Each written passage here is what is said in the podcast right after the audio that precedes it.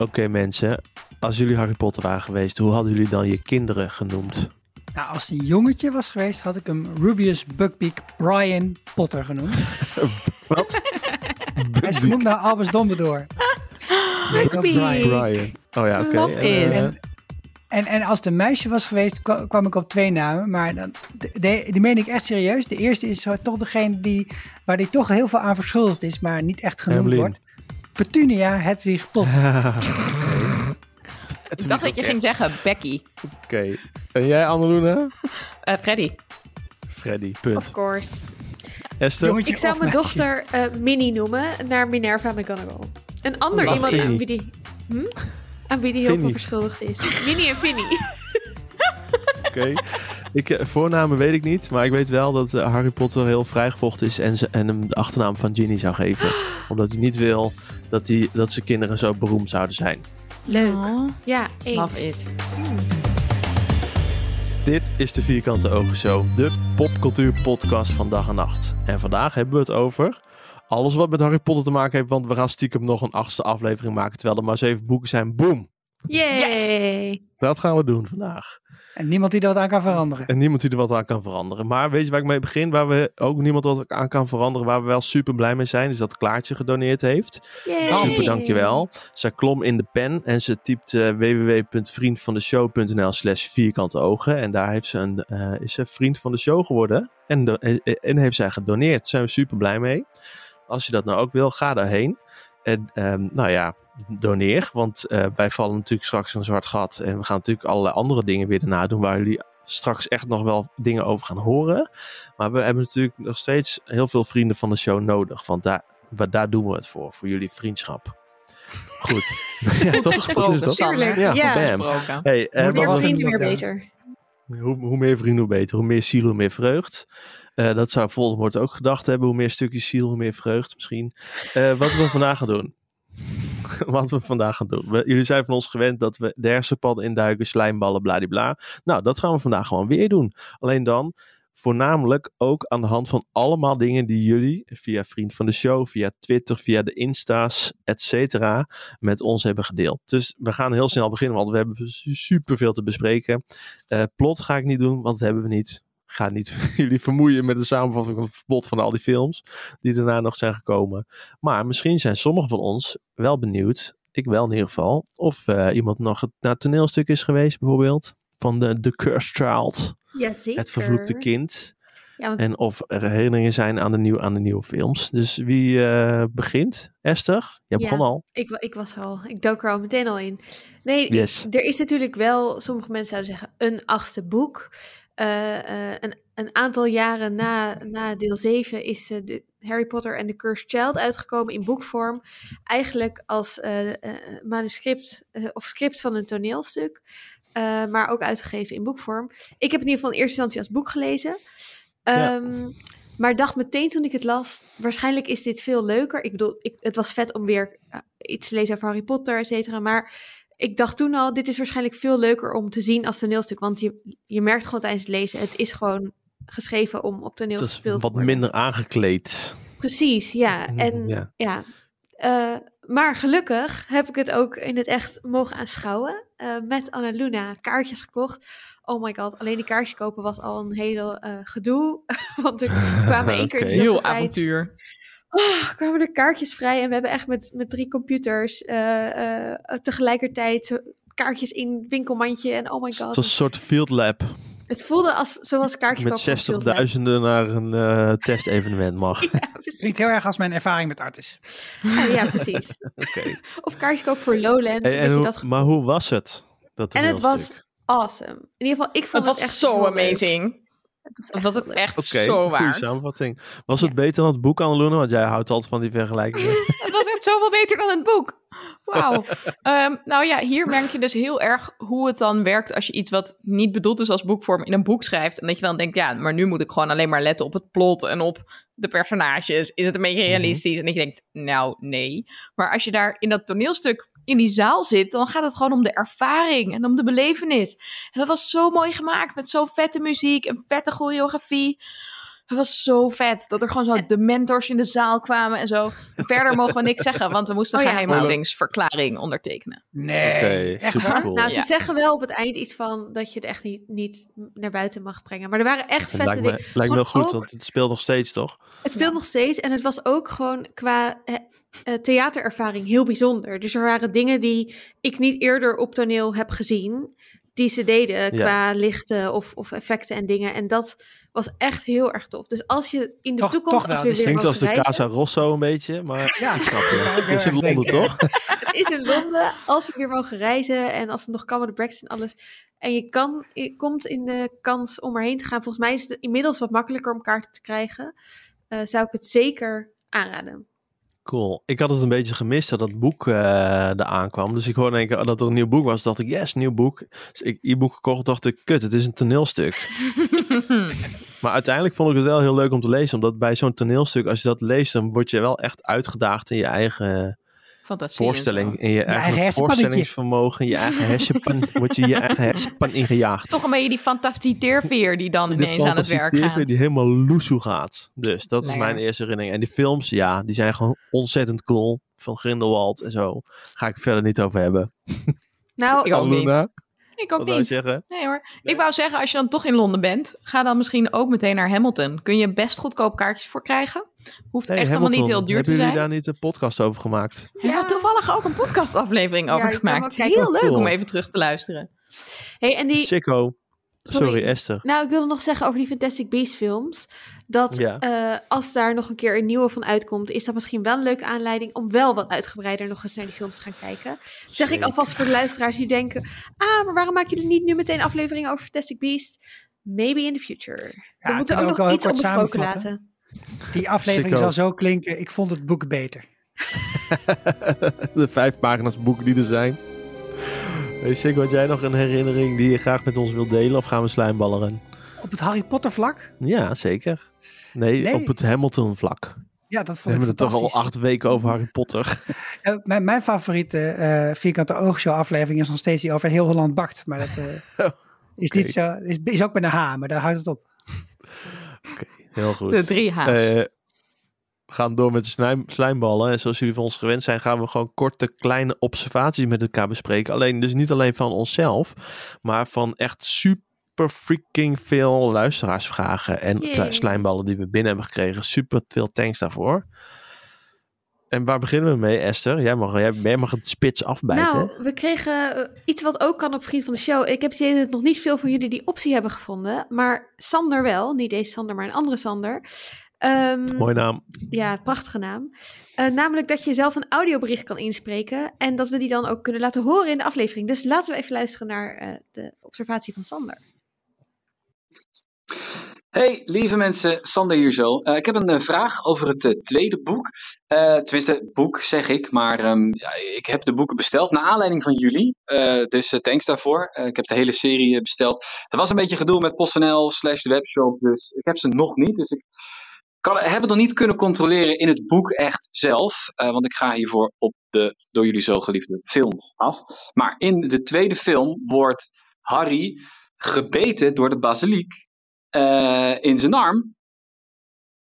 Maar Harry is toch een Horcrux? Dus waarom wordt het Horcrux in Harry...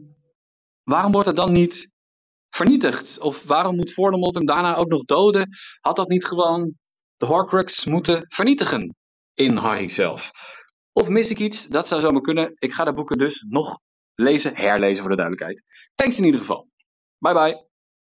Eh, ja, nou, supergoeie vraag. Eh, ik denk dat ehm, je dat gruzelement echt direct moet raken. En we weten natuurlijk niet waar dat in Harry zit. Is het een één deel? Is het verspreid door zijn hele lijf? Eh, heeft hij dan... Ja, hij kreeg natuurlijk ook heel snel die traan van die Phoenix. I don't know. Sikko, jij hebt misschien hier iets meer aanvulling op? Ik denk dat dit gewoon een foutje is geweest. Nee, ik niet. Waarom Ja, denk je dat? Nou, gewoon, Vergipsing, vergipsing. het is een super goede vraag. Het is echt Nee, een angstaanjagend goede vraag. Hier kun je Weet gewoon een heel YouTube-filmpje over maken. Ik vind het een hele goede vraag van maar Sander. volgens mij is dit gewoon, ja, had, had Harry gewoon als gruzelement kapot moeten gaan. op dat Nee, moment. want het, om, het omhulsel moet kapot gaan van een gruzelement. het magische omhulsel. En Harry is Mhm. niet dood gegaan. Dus ik denk dat als Harry dood was gegaan. Dat klinkt logisch. Dus dan had Harry door de basilisk doodgebeten moeten worden. En dan was het gruzelement kapot. Mhm. Maar dan zat ik wel te denken, ja, maar ze kunnen ook met een tand van een basilisk een kop doodmaken. Een wat? Een beker. kopje van Helga. Of, Ja, Dus- maar daar maken ze het magische omhulsel toch ook mee kapot? En Dat het het gruzelement zelf. Ja, het, het, het, Ah. het, het- volgens mij is dat het. Dat, het- dat, het- dat het omhulsel niet meer bestaat. En hij, ehm, die, die tranen die redden hem. En dus ook het gruzelement, denk- zou ik zeggen. Ik denk toch dat als Harry in zijn bil was gebeten, zijn linkerbil, dat het dan een heel ander verhaal was geweest. Ja, same. Ja. Team. Anuna. Hey, Robert Robin die vraagt ook van... eh, als Harry een Horcrux is... zou hij dan niet dezelfde bescherming moeten hebben... als alle andere Horcruxes? Want we zien natuurlijk dat die echt vet eh, beschermd zijn... met in grotten, met dode mensen eromheen, bladibla. Waarom heeft Harry dat niet? Ja, dus dat sluit er wel mooi bij aan. We kregen echt best wel veel vragen over gruzelementen en zo. Ehm, maar ja, die, die, die, die bescherming is natuurlijk ehm, ingevoerd bewust door eh, Voldemort. Ehm, dat is onderdeel van de bezwering. Maar die bezwering is natuurlijk bij Harry niet zo expliciet aangebracht. En hij kan natuurlijk... Uiteindelijk zien we hem een paar keer bijna doodgaan, maar toch niet echt. En dat kan toch best wel een Ja. wet der magie zijn geweest. Ja, maar dat is, het, het is nog steeds nog niet helemaal duidelijk wat je precies moet doen om een horcrux te maken, een gruzelement. En daarom vind ik het ook nog steeds een beetje apart dat Harry er toch een is geworden. Want hij is niet binnengekomen met eh Hokey Pokey Gruzelementia en Avada Kedavra Vloep. Hè? Maar hij heeft eigenlijk alleen maar Avada Kedavra gezegd. Maar misschien ja, zit, zit het in het maken van een gruzelement ook wel het opoffering of zoiets. Maar zou, ja, maar dat is toch ook zo? En ze- zeg maar, je moet iemand doden om een gruzelement te maken. Zou het niet zo Ja. kunnen zijn dat een gruzelement eigenlijk... Hè, ik, jullie weten, ik geloof in die vorm van dat je eigenlijk wilde magie hebt. En dat tovenaars hebben geleerd om het eh, in te kaderen door spreuken, door, door, eh, door eh, toverstaffen. Zou het ook niet zo kunnen zijn dat een gruzelement eigenlijk iets is wat per ongeluk of wat spontaan ontst- kan ontstaan bij een hele gruwelijke dood bijvoorbeeld. En dat een gruzelement maken eigenlijk een soort van gecultiveerde vorm daar is. Van om dat Ja. eh, soort van eh, bewust te laten maken. En dat het dus nog steeds af en toe per ongeluk gebeurt. En waarschijnlijk heel vaak mensen niet eens weten. En gecombineerd met een instabiele ziel van Voldemort al Ja. op dat moment. Crazy. Die gewoon eh fucking zijn eigen, eigen, eh, eigen leven gaat leiden. Letterlijk. ja, toch? Luisteraar Klaatje had ook een vraag. eh, die kwam van haar en van haar dochter van 17. En dat, die was: waarom denken jullie dat er zoveel, zowel gruzelementen als relieken van de dood nodig zijn voor het plot? Want zij raakte een beetje de, tel- de draad kwijt. En ik vind dat eigenlijk wel een hele goede vraag. En het enige wat ik kon bedenken als antwoord is dat ehm, het heel erg spannend is voor het boek als Dumbledore, dus Perkamentus, niet super, super goed is dat, en dat hij dus eigenlijk een kweeste heeft gehad en een beetje een duister verleden waarin hij wel dacht dat hij eh, de baas, ja, dat hij de baas van de dreuzels zou worden samen met een of andere eh penpel. En dat dat gewoon heel erg die twijfel in Harry losmaakt. Dus ik denk dat het vooral die functie heeft. Ja, ik denk ook dat het dat is, maar ook elk boek heeft natuurlijk een soort kweeste in zich. Of een, een, een ja, eh, de vuurbeker, iets waar het dan het plot vooral over dra- om draait. Zoektocht. De zoektocht. En dit is dan deze. En die gaat natuurlijk ja, uiteindelijk toch over het overwinnen van de dood. En dat Harry daar dan meester van wordt. Ehm, juist door die relieken te verenigen, maar door ze niet te gebruiken op een oneerbare manier. Dus ik vind het ook wel heel mooi. Ik vind trouwens echt super leuk dat we van best wel veel luisteraars horen dat ze of luisteren bijvoorbeeld samen bij het ontbijt. Dus stelletjes die Ja. samen luisteren. Of dus ouders met hun kinderen, als ze zeg maar boven de 15 zijn of zo. Dat is ook wel onze luisteradvies. Eh, Ja. dus dat vind ik echt heel leuk om te horen van mensen. En ook Ja. wat Sander net al eh, in het geluidsfragment zei, dat hij de boeken nu besteld heeft om te gaan lezen. En eh, dat hij niet meer alleen de films wil kijken. Vind ik ook echt super leuk. Ik vind 15 nog jong. Kregen we nog meer vragen binnen in We dit kregen thema? nog een eh, vraag What? ook over onsterfelijkheid. Van Thomas was die. Die eh, vroeg ons namelijk, ja, jullie zeggen onsterfelijkheid is saai, daar ben ik het wel mee eens. Maar werkt het met een Horcrux nou niet zo dat je telkens een nieuw leven kan leiden? Dus dat het leven zelf eindig is, maar omdat je dus een nieuwe Horcrux hebt, dat je die dan in een andere tijd bijvoorbeeld kan activeren. En zou ons dat dan ook saai lijken? Ik zat wel te denken, het is wel ook heel pijnlijk, denk ik. Want stel dan, eh, er zijn dan in één keer drie Voldemorts weder opgestaan en er worden we even vermoord. Blijf, blijf je dan ook in één keer drie vol van pijn eh, en leidende, rondwalende zielen of zo? Want hij Ja, beschrijft Voldemort dat toch, voelt dat in dat dus toch weet je, Ja. ja. Of drie van die nee, baby's. Ik bedoel, hij bes- ja, zo. ja, ik bedoel dat hij dus zeg maar, als hij doodgaat bij, bij, eh, bij Lily Ja. Potter en bij Harry Potter, dan zegt hij, ah, ik was een schim en bladibla. Maar stel dat iemand dan opstaat, en dan zit die ene schim zit nog in het bos in Albanië met eh wormstaart te chillen. Maar die andere schim, gaat hij dan ook ergens zitten? Hoe werkt Ja, goed. Schimmig verhaal. Ik zou dit wel tof vinden hoor. Allemaal verschillende tijd, tijdperken. Ja, Tijden. Ik zou- dan wel heel graag over 50 jaar en over 100 jaar en over 500 jaar of zo op willen staan. En niet zeg maar over vijf jaar. Dus van ja, fuck it, I don't care. Misschien zijn we dan net, eindelijk net van corona af. Ik ben benieuwd hoe het er over 50 jaar uitziet. Wat ik overigens erg leuk vond aan Thomas, dat hij nog even Simone de Beauvoir aanhang, aanhaalde in zijn vraag. True. Eh, ja, Beauvoir. En ze vragen ons, lijkt het ons saai? Ja, ik weet niet of je, het, of je het dan beseft, zeg maar, zelf. Of je Ja, dan dat weet dat er in één drie mensen, dat je dan in één keer jezelf tegen... Oh, ben ik er ook weer opgestaan? Hallo. Ik vroeg me ook af, kun je dan ook tijdreizen? Dus dat je met een tijdverdrijver een bepaald aantal jaar teruggaat. En dat je dus je ziel zeg maar in, de, in het verleden dumpt. Ja, of dat je, ja, of dat je nooit aankomen. uitgaat en dan al die gruzelementen gaat ophalen en dat je dan ze- zeg maar een, een zwerkbalteam kan maken met alleen maar Voldemorts. Ja, of dus Ronde is Hoe cool. Dumbledore. Ja, Ja, Dit, is, dit is hoe het kon. Ja, want Wow. Dumbledore was ook de secret keeper en hij is ook de keeper. nou, nou, God. zie je wel. oh my komt Theory elkaar. Thomas. Thanks. Volgende vraag. Volgende vraag. Die kregen we van Niek. Die vroeg wat we denken dat Snape bedoelt met always.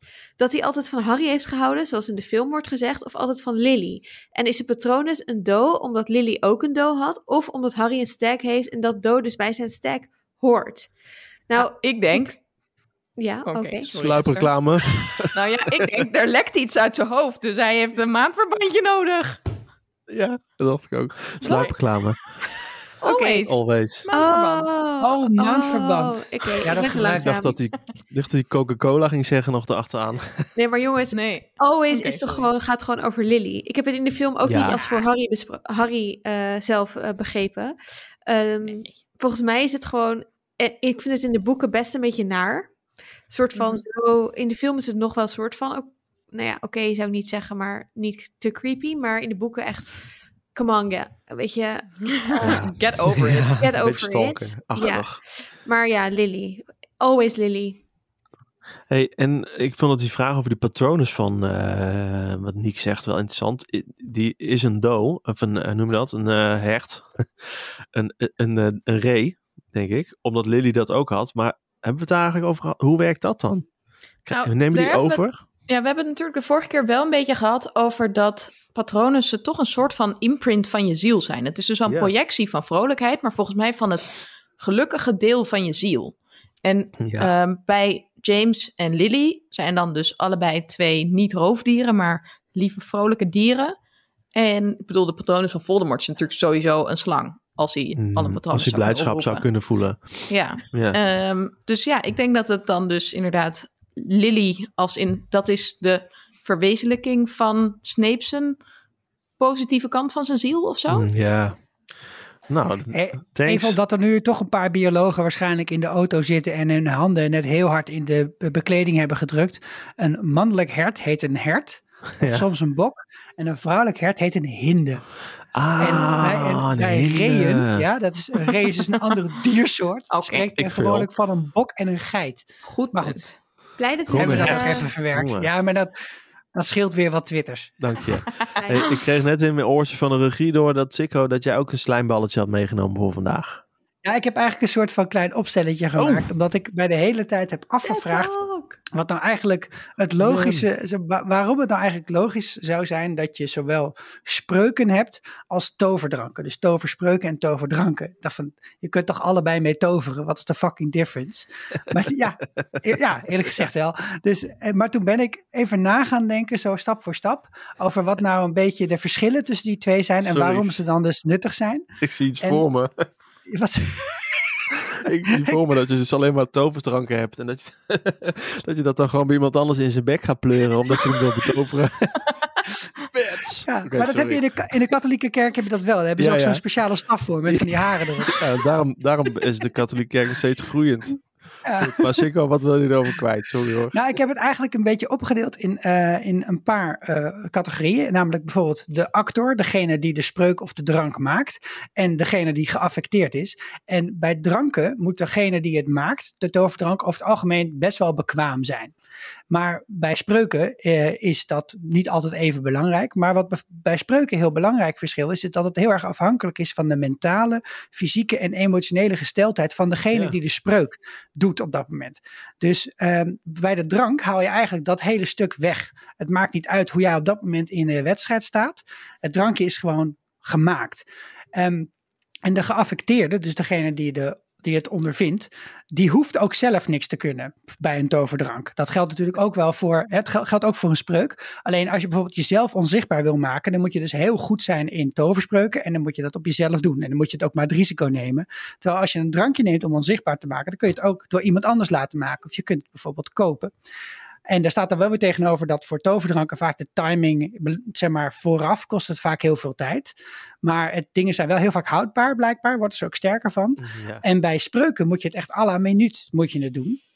En tot slot heb je ook nog bij, eh, bij eh, als je een bepaald gif inneemt of een bepaalde drank, dan is er ook altijd hetzelfde concept weer voor dat tegengif. Dat kun je heel makkelijk gewoon van iemand krijgen en dat hoef je dan niet zelf toe te dienen. En bij spreuken is dat vaak wel handig als je dat kunt of jezelf er tegen kunt beschermen. Dus dat waren gewoon wat verschilletjes die ik heb opgeschreven. Oh, wat Ah, leuk. gedaan. Eh, Ik werkte moest- dus vroeger bij een callcenter en dan moest ik zo'n eh, verhaal over een goed doel. En dan vroeg ik, heeft u een paar minuten?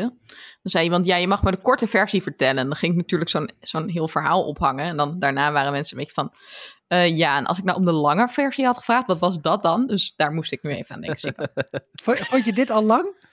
Oh jezus. Nee, ik vond het uitgebreid. En, pre- ja, goed om naar te luisteren. Ik vond het zeer We moeten interessant. nu tips en tops geven, hè? Want tips en tops doe je na een spreekbeurt. Maar hebben jullie Ik, nog vond- ik heb er echt heel veel van geleerd. Dus dat vond ik Ja, ik leuk. ook. Ik hou van drank. Dus dit is wel leuk. ik laat me ook vaak betoveren door dranken. Ja. Maar er is nog één ding wat me op is gevallen. Dat is dat namelijk eh, in heel veel fantasy-series wordt, eh, wordt gif en worden toverdranken heel snel geassocieerd met vrouwen. Op een of andere manier. Dus ook heel Mhm. erg in Game of Thrones heb je dat bijvoorbeeld ook. En dat is bij Harry Potter eigenlijk bijna niet. Behalve, Behalve met Bij liefdesdrankjes. liefdesdranken, ja. Ja, Ja. Wat ik nog steeds niet begrijp. Waar ik aan moest Ja. denken is de laatste Witch Please aflevering. Yes, Witch Please mention in deze aflevering. Yes! En daar hebben ze Voor de mensen met de bingo kaarten. Ja, precies. Eh, daar, daar gaat het over ehm, onder andere hoe eh, eh, eh, Lupin wordt eh, eh, behandeld in boek 3. en hoe raar het eigenlijk is dat er gewoon een drankje is wat eh, je kan helpen als je weerwolf bent om het te voorkomen. En dat dat niet in massaproductie gewoon zeg maar basically bij de apotheek is te halen. Ja, precies. Maar dat, en dat daar dat gewoon nog steeds mensen worden, eh, eh, als je weerwolf bent, ben je een outcast. Terwijl het is gewoon te behandelen. Dat. Ja, ik wilde daar dus wel iets over zeggen. Ik ben heel blij dat je dit ter sprake bracht, want ik luisterde die aflevering. Maar daarin vergeten ze helemaal dat dat een recente uitvinding is. Dat zegt Remus Ja. ook tegen Harry. Van ja, dat is pas een recente uitvinding. Die was er in elk geval nog niet toen zij op school zaten. Dus dat is het pas is- echt iets van de afgelopen 15, 10 jaar. Het En is dat- uitgevonden door de oom van eh, iemand die Magnus nu op. Zwijnstein zit. Ja, Nee, die dus andere. het is heel, zo recent is het, maakt niet zoveel uit. Van iemand Anyway. van de Slug Club. Ja, maar dus ik kan me dus voorstellen dat er eenzelfde soort huiver omheen hangt als we nu bijvoorbeeld zien bij de vaccins. Dat mensen daar toch een beetje bang voor zijn en een beetje denken, ja, maar werkt het wel echt zo goed en kan ik dan nu wel echt bij jou in de buurt komen en ben je dan niet besmettelijk? Dus ik snap wel dat daar ook in de toverwereld heb je natuurlijk zoveel vooroordelen. En we hebben ook geleerd over de, eh, de wetten die dat eigenlijk bepalen wat voor soort eh, gif, antigif je moet, moet gebruiken. Dat, ik mij, dat er vaak ook een relatie heeft met het object of met, uh, met de aandoening. Dus ik kan Mhm. mij Dat was zomaar voorstellen dat er ook eh, een klein beetje, eh, precies net als met vaccins, dat er ook een klein beetje ver, vergruizeld zilver in moet of een beetje Mhm. maanstof. Hè? Ja. Oh, Oh. dus misschien is het ook wel pleuris duur. Pleurisdeur. Wat ik wel leuk vind aan, aan toverdranken in Harry Potter en überhaupt in fantasy, is dat het op zich in het echt... Kijk, je kan natuurlijk niet dingen mensen betoveren, echt. Maar je hebt wel, als je bepaalde dingen in verhouding Dan heb jij nog nooit LSD gebruikt. nee, maar goed. Ik heb het over legale middelen. Nee, nee, maar ik bedoel dat je wel door de- bepaalde dranken te maken en shit te mengen, toch wel dingen kan doen with the mind. En dat zie je bij, eh, sowieso bij medicijnen, bij de psychiatrie werkt het natuurlijk het tegenovergestelde. Maar kijk maar naar absint bijvoorbeeld. Dat is vroeger, was vroeger verboden hè, in de oorspronkelijke vorm, omdat het gewoon, dat je daar gewoon psychotisch van kon worden. Hoe cool is dat? We hebben het eigenlijk. ja. Anne, Ik, heb ook nog een, eh, ik wil ook nog wel een slijmballetje opgooien. Gaat over taal.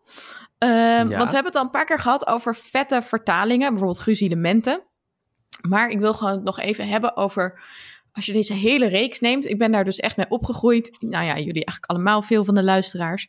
En voor mij heeft het toch ook wel mentale ontwikkeling echt gestuurd en bepaald. En er zijn woorden die ik nog steeds associeer met Harry Potter. Zoals geagiteerd, brusk, gedecideerd. Dat zijn echt van die woorden voor mij. Die Snogging, echt, ja. snogging, die echt horen bij Harry Potter. En ook dat je meteen een bepaald personage voor je ziet. Zoals Ja. Pinnig, dat is dan Tante Petunia bijvoorbeeld. Of soms ook professor Anderling. En dat is dus wel een beetje gegenderd. Eh brusk, Hagrid is de hele tijd brusk. En ik vind dat gewoon heel leuk. Het enige wat ik een beetje knullig vind is het woord hollen. Dus Harry is de hele tijd aan het hollen. En dat klinkt... ja, het zijn gewoon rennen. Het klinkt heel vind het ouderwets. heel irritant dat, dat bijna alle vrouwen in Harry Potter die, eh, bustling around zeggen ze altijd. Terwijl mannen Ja. lopen gewoon. Is dat jullie wel eens opgevallen? Nee. Ik weet niet hoe dat in het Nederlands vertalen is. De vrouwen rommelen een beetje aan met lopen of zo. Hoe doen ze dat? Dat ze altijd bezig is of zo? Nou, dat, Ja, rondscharrelen of zo. rondscharrelen. Ja. Oké, leuke slijmbal, Ja. Anluna. Ja, leuk. Ja, ik kreeg ook nog een eh, slijmballetje van eh, mijn vriendin Suze. Die eh, Oh. stuurde namelijk een berichtje. Dat was wel leuk. Die had eerst ons had eerst het eerste boek gelezen en toen onze eerste aflevering geluisterd. Waarin we het hebben over het aantal leerlingen op Zwijnstein. En zij is daarna dus de andere boeken gaan lezen met ons in het achterhoofd. En nu stuurt ze me dus elke keer een berichtje als ze dan iets tegenkomt over hoeveel leerlingen er in een klas zitten. En nu stuurde ze er eentje die toch wel echt heel opvallend is. Die zit in boek 3. Gaat over de zwerkbalwedstrijd tussen Gryffindor en Slytherin. En dan zitten er 200 mensen wearing green achter de goalpost van Slytherin. Dus dat impliceert dat zij allemaal zwadderaars zijn. Dus dat er zeven jaarlagen Slytherins, dat dat ongeveer 200 mensen zijn. Dat is Hmm. vet veel meer dan wij hadden ingeschat. Maar niet 30 per jaar se, ongeveer. want eh, het kan ook zo zijn dat er bijvoorbeeld allemaal oud-Zwadderig leerlingen naar. Hogsmeade komen. Ja, om steeds naar die wedstrijden te gaan. Ja, Want dat, dat vroeg Suze ook wel, ja. Maar dat, dat zegt Harry bijvoorbeeld nooit. Dus het is wel opvallend. Maar dit is wel Harry's perspectief. En die heeft, is niet is super goede observeerder, vind ik. En ik vind gewoon dat dit de babyboom- dingen ondersteunt. Dus na vind- het jaar van Harry zijn de klassen gewoon ineens vet groot. Ik vind het sowieso cool dat mensen het boek lezen met ons in het achterhoofd. Hoe cool is dat? Daar ben ik gewoon heel blij mee dat we in mensen hun achterhoofd Hoe zitten. druk moet dat en zijn? ingeworsteld zijn. en, en, en ik ben dus ook, was ook heel blij met deze slijmbal. Want, en, en een paar andere die we binnenkregen. Omdat we het zo graag willen hebben over ons favoriete aspect van de Harry Potter boeken. Namelijk het leven in en om Zwijnstein. Dat we daar zo blij van worden. En Niels vroeg, wie is dan eigenlijk jullie favoriete, zou jullie favoriete docent zijn op Zwijnstein? Hmm. Hmm. Hmm. Ja, Ja. ik wil wel zeggen McGonagall bijvoorbeeld. Maar in de praktijk vond ik het altijd wel heel chill als je niet te veel hoefde te doen. en ik denk dat je bij haar echt niet kan slacken. nee, denk ik ook niet. Nee. Dus misschien zou Oh. ik Zwambrips bijvoorbeeld heel chill vinden. Want dan kan je gewoon een beetje met elkaar kletsen. Ja, professor Banning of Hagrid, denk ik. Echt precies om de reden die Esther beschrijft. Maar dan tegenovergesteld zou ik dus wel les van anderling willen hebben. Want dan leer je Ja. tenminste nog wat. Dan legt iemand tenminste nog iets uit. En dan verwacht iemand nog iets van je. Ik heb echt als leerling altijd het gevoel van eh, hoe hoger de docent mij inschat, hoe, hoe fijner ik het vind. Dat is ook eh, wel gewoon bewezen in de theorie. Nou, ik zie hier twee voorbeelden van. eh Nee, ik Nee, bedoel, nee, nee, nee. maar- Het, het is bewezen, het is bewezen in theorie dat als je als docent hoge verwachtingen hebt, dat je leerlingen ook beter presteren. Ik kan daar heel uitgebreid over vertellen als jullie willen, maar dat ga ik nu niet doen. Maar wie is jouw eh, favoriete leraar dan, ja, daar wou ik net zeggen. Eh Lup, Lupos. Oh ja. Lupos, dat heb ik eerder al gezegd, maar ik vind dat hij, hij geeft gewoon vet goed lessen. Laat ze kinderen, of laat de kinderen zelf nadenken.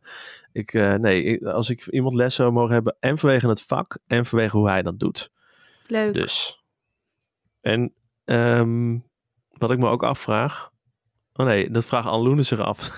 Daar staan verkeerde letters voor. Ging niet helemaal lekker in het eh Waar zouden, jullie willen, waar zouden jullie willen chillen op zijn? Ja, zouden jullie het leuk vinden om op Zwijnstein te zitten? Nee. Nee? Waarom Ja, niet? Echt wel. Nou ja, nee, ja, op zich wel omdat het cool is. Maar ik heb geen zin om geïnterneerd te zitten. Dat lijkt me niet cool. Nee, het Ach, lijkt joh, mij dus echt fucking 14. vet aan relaxed dat er gewoon de hele tijd mensen om je heen zitten. Ik ben best wel een licht introvert persoon. En het lijkt me, ik zou zo Oh. overprikkeld raken op Zwijnstein. Ik las Ja, vroeger ik- ik Ik altijd... zou echt in elke club zitten. Ik ook. Nee, ik las altijd die club Pitty oprichten? boeken. Pitty en eh Dolle Tweeling, die kostschoolboeken. En ik wilde als kind, dacht ik echt, dit is zo leuk. Je bent gewoon de hele tijd met andere meiden. En, want dat waren dan van die meiden kostscholen. En je hebt een heel leven met elkaar. En je bent weg van je ouders. En er, nou ja, I don't know. Dus ik denk dat ik dat als kind wel leuk had gevonden. In mijn hoofd. Ik weet niet of ik het in de praktijk zo leuk had gevonden. Als ik terugkijk op mijn middelbare schoolcarrière, zat ik in de, in de schoolkrant en in de leerlingenraad en in, eh, in de café Chantan en in de Ja, revue. same. Ik zat fucking overal in en dan nog voelde het niet als een keurslijf of beklemmend. Het enige wat ik irritant zou vinden aan Zwijnstein oprecht, is de hoeveelheid huiswerk. Die slaat echt helemaal nergens Ja. op. Nee, dat slaat echt totaal de plank mis. Nee, Ja. ik- Maar verder Ja. zou ik het echt volgens mij, ja het is een beetje elitair. Maar goed, als het de enige school is, dan is Nou, het ook weer niet zo heel En elitair. ze eten echt vet vroeg. Want Harry moet op een gegeven moment moet hij dan strafwerk maken bij professor Omber. En dan moet hij om vijf uur op haar kamer zijn. En heeft hij daarvoor al avondeten gegeten. Dat je echt denkt, wat? Maar hoe chill dat je alles first altijd dinner. kan Dus eten. daarom En second dinner. Ja, dat wel. Maar niet dat je dan moet eten tussen vier en vijf. Ja, wacht, laat ik het nuanceren. Ik zou er wel op willen zitten, maar ik zou ook niet per se altijd daar willen blijven. Denk Nee, ik. ik zou wel dus dat je kerst gewoon lekker erheen kan mee verschijnselen met je papi. Met je kerst naar huis, weet je. En ik denk ook wel dat je in je eigen voorposter een eigen wereldje kan creëren. Dat je toch wel even lekker, ja, aan Ginny kan denken, bijvoorbeeld. Ik als jongen, je moet toch wat als jongen? Ja, als Zeg meisje maar ook. Wat. Ja, Als meisje misschien ook wel, inderdaad. precies. Maar, eh, of als kind, hè, als puber. Als puber moet je toch even je lichaam kunnen verkennen. Nou, dat kan niet als je met z'n allen op een slaapzaal de hele tijd ligt. Nou ja, hebt als je sleutel van de klasseoudste badkamer hebt. Dus alleen de klasseoudste kunnen rukken. nou, dat gezegd hebbende. Nee, maar oké, wie- zou er dan prefect worden van ons? ja. Aluna. Dat ik wel, ja. Sorry. Ja. Chagrijnig, gewoon een beetje op de gang lopen. Ja, gewoon zeggen hoe het hoort. Ga naar je klas. Nee, ik zou in al die Ja. clubs zitten die er niet in me. de boeken staan, maar die er wel zijn. Dus de model, eh, model wizarding eh, government en de, Ja. de schoolkrant, Ja, ja. En de De breiklub. Junior Wizard rijclub, Gambit. de theaterclub. Leuk. Hey, want eh, wat we vorige week bespraken, dat is misschien ook nog even leuk om nog even over, over, over verder na te denken, is eh, of Ariana een obscurus is. Hmm. Wat vinden wij daarvan? Ja, ik blijf toch echt... We hebben daar ook geen nieuwe luisteraarstheorieën over gekregen. Ik blijf er toch bij dat ze gewoon al dood is in het boek. En dat ze dus niet een obscurus nog geworden is. Dus je, bent, je hebt je mening herzien na vorige week. Nee, dat zei ik vorige week ook al. Zei het vorige week ook Ik al. zei vorige week dat, het- dat ze een obscurus is en ik blijf ook bij die mening. Maar dit gaan we denk ik, eh, gaan we, hier gaan we achterkomen in de toekomstige Grindelwald films. Oké, waar we dus ook wel een hele coole luisteraarsvraag eerder al over kregen, is van, An- die kregen we toen van Annelies. En dat ging over eh, dat er echt heel de tijd alleen maar over vlees eten gaat. Hè, dat er weer een of andere vleespastei over de tafel gesmeten wordt. En, nou, Was de broodjes. en zij vroeg, eh, eh, wie denken we dat we, zij vroeg van, hoe is het eigenlijk om als vegan op Hogwarts te zitten? We, dat hebben we toen besproken. Het zou gewoon kut zijn, toch? Ik denk dat je het wel kan verlengen naar hoe is het als, om als vegan in Groot-Brittannië te wonen. Maar goed. Ja. Succes daarmee. Eh, maar eh, zij vroeg ook, wie denken jullie dat er dan vegan is van de Hogwarts bewoners? Of hebben we dat ook al besproken? Ja. Ja, dat hebben we ook Ja, al ja, besproken. ook Nou, super besproken. cool, maar waar we daar een vervolgvraag op kregen, dat is eigenlijk en op die vraag, maar ook op waar we het vorige week over hadden, is: zijn er eigenlijk vegan toverstoffen of in ieder geval wezenvriendelijke toverstoffen? Dat vroeg Lieke zich af. En ehm, heeft iemand daar gedachten over van jullie? Nou, ik denk dus wel wezenvriendelijke. Want ja, als je gewoon een haar uit een staart van een paard trekt, laten we daar nou ook niet over gaan lopen janken met z'n allen. Dat, is, dat kan gewoon gebeuren. Nou ja, Maar ook gebeuren. tenzij te paarden Ja. gefokt gaan worden en al hun- alle hun staarten worden afgeknipt de hele tijd. Voor al weet je die hoeveel jaren. haren er in een staart Ook zitten? Ik dacht, Weet oh, je bedoelt dat ze gefokt worden voor die haren. Ja, Ja, er zullen in ieder geval wel van dat soort een beetje zweverige eh, hippie-types zijn die zeggen: Ik wil alleen maar gevonden haren in mijn staf. Die zullen er Nou. zeker zijn. Maar ehm, ik denk eigenlijk niet dat het heel erg succesvol wordt om eh, dingen in een toverstaf te doen die dus niet organisch zijn. Dat ze dus Nou, gewoon de- niet magical properties hebben. Maar er was, eh, ik heb ergens gelezen dat de Hmm. vader van eh Ollivander wel Dittany als eh bandkern had gebruikt. oh, Maar dat was denk ik nog in een soort beta-fase of zo, want ja, daar horen we dan verder niks meer over. En misschien Dat dat, was- professor, professor Stronk die gebruikt of zo. Is dit Dit een die- is dat elixir om wonden mee te genezen, toch? Ja, ja, inderdaad. Dus misschien de- of dat helers die goed zouden kunnen gebruiken. Dat zou, Ja. is misschien wel interessant. Maar dat is het enige wat ik erover vond. Maar ik denk wel dat je bijvoorbeeld die haren van eenhoorn, die blijven ook wel eens aan bomen hangen en zo. En dat lijkt me prima. Ja, Dus want Hargis dat verzamelt het ook. Hè? Daar zegt hij natuurlijk op een gegeven moment tegen Slakhoorn iets over. Van dat hij het steeds in het bos vindt. En dat het natuurlijk heel monsterlijk is om een eenhoorn te doden. Maar dat je dus wel dat haar, dat verzamelt hij gewoon. En ik denk dat je eenhoorns ook niet kan fokken. Omdat ze heel voorzichtig zijn. En ik kan me best wel voorstellen dat die dan in captivity niet gaan breeden. Ja, Verder denk ik wel, worden. want Sikko, jij zei al van nou, ehm, ik denk niet dat dan planten bijvoorbeeld magical abilities hebben, maar we zien natuurlijk heel veel planten die dat wel hebben. Ja. En bijvoorbeeld er is ook best wel een, een dunne scheidslijn, dat vind ik wel tof aan het boek, tussen planten en wezens en wezens en mensen. Dat zien we natuurlijk steeds benadrukt. En dat zien we heel duidelijk in de mandragora's bijvoorbeeld. Want dat, zijn. Schreeuwende plantenbaby's. Ik bedoel, dat is echt best wel gruwelijk dat je daar dan een Ja. toverdrang van gaat Ja, brouwen. maar precies. Maar is, is dat dan, stel je voor dat je dan de, het, hè, gewoon het zenuwstelsel van een ma- mandrake pakt en zo ruk je uit dat ding en die stopt je in Dat. de staf. Is het dan vegan? Nou ja, Eh, dan denk ik dus dat het vooral heel erg wispelturig is, afhankelijk van of dan die man- mandrake op dat moment in de puberteit is of niet. Dat je dan een peuterpuber hebt of zo. Dat ze bij elkaar in elkaars pot gingen wonen. Ja, dan heb je er eentje van twee en die zegt alleen maar nee.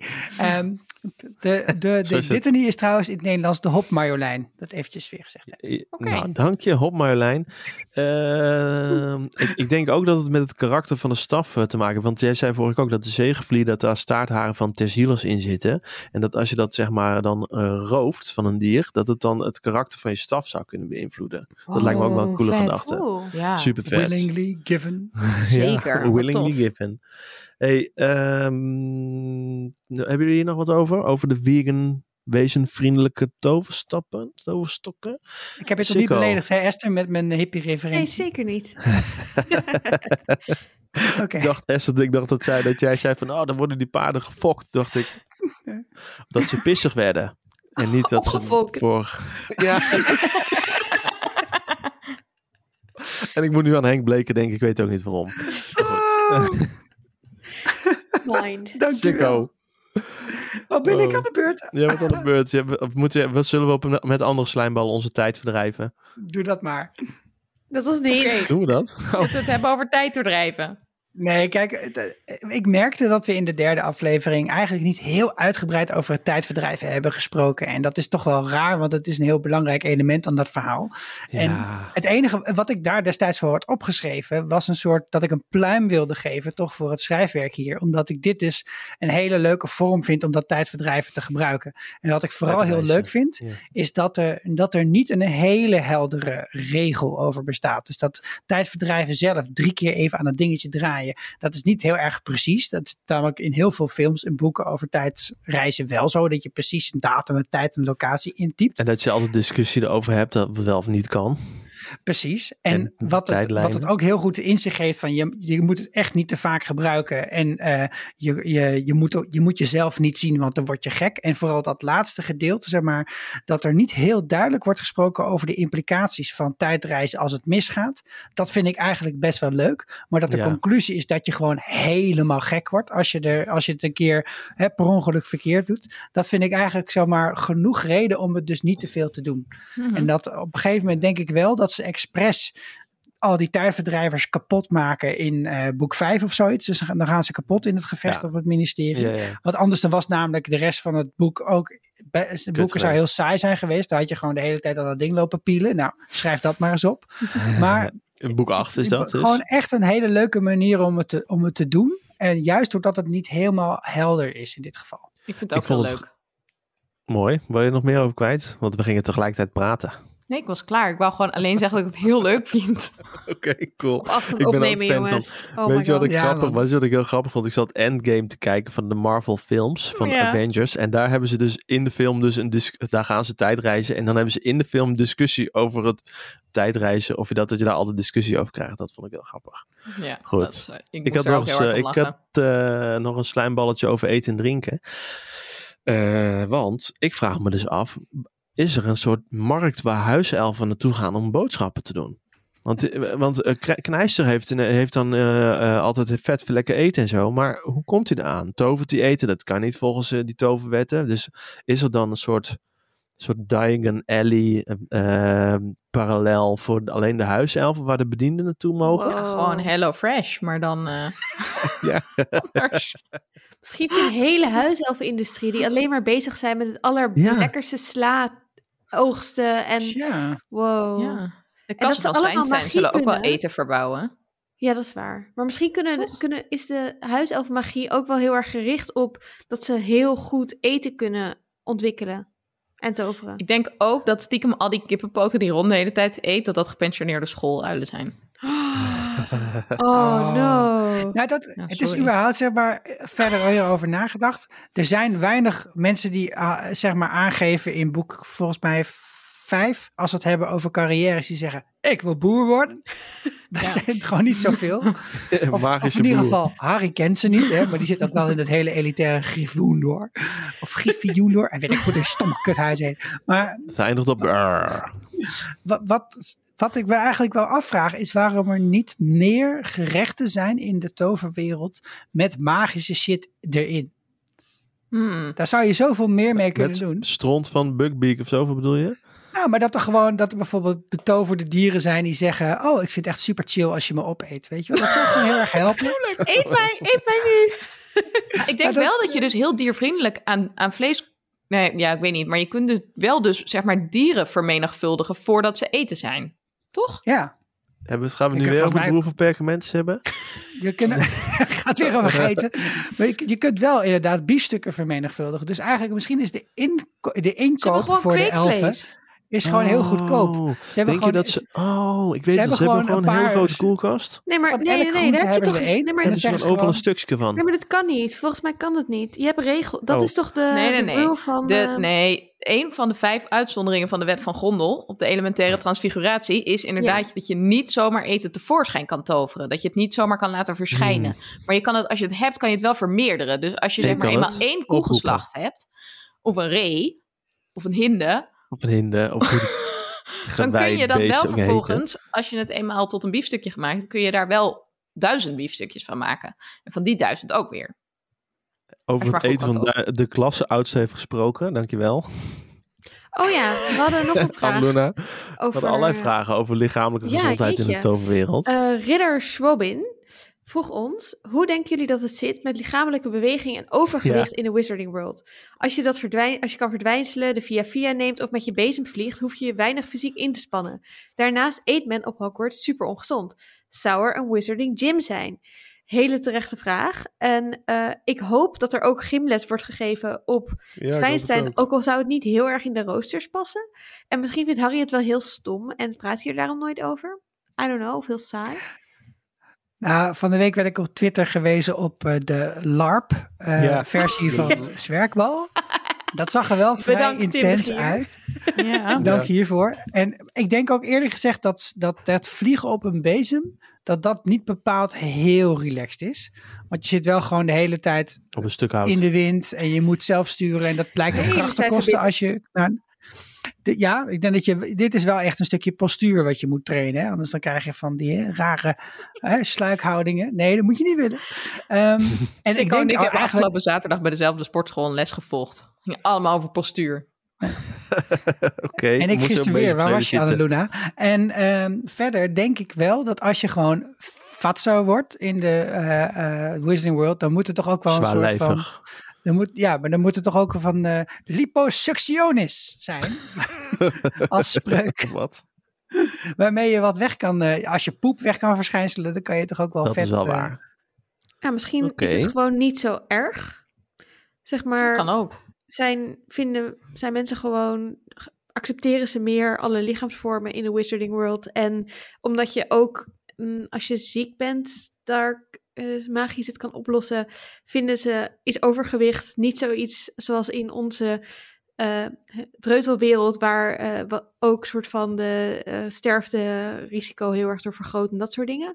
Dus denken ze gewoon op Zwijnstein, ja, waarom zouden we die kinderen, die arme kinderen, naar eh, gymlessen sturen? Was perso- mijn persoonlijke hel op de middelbare school.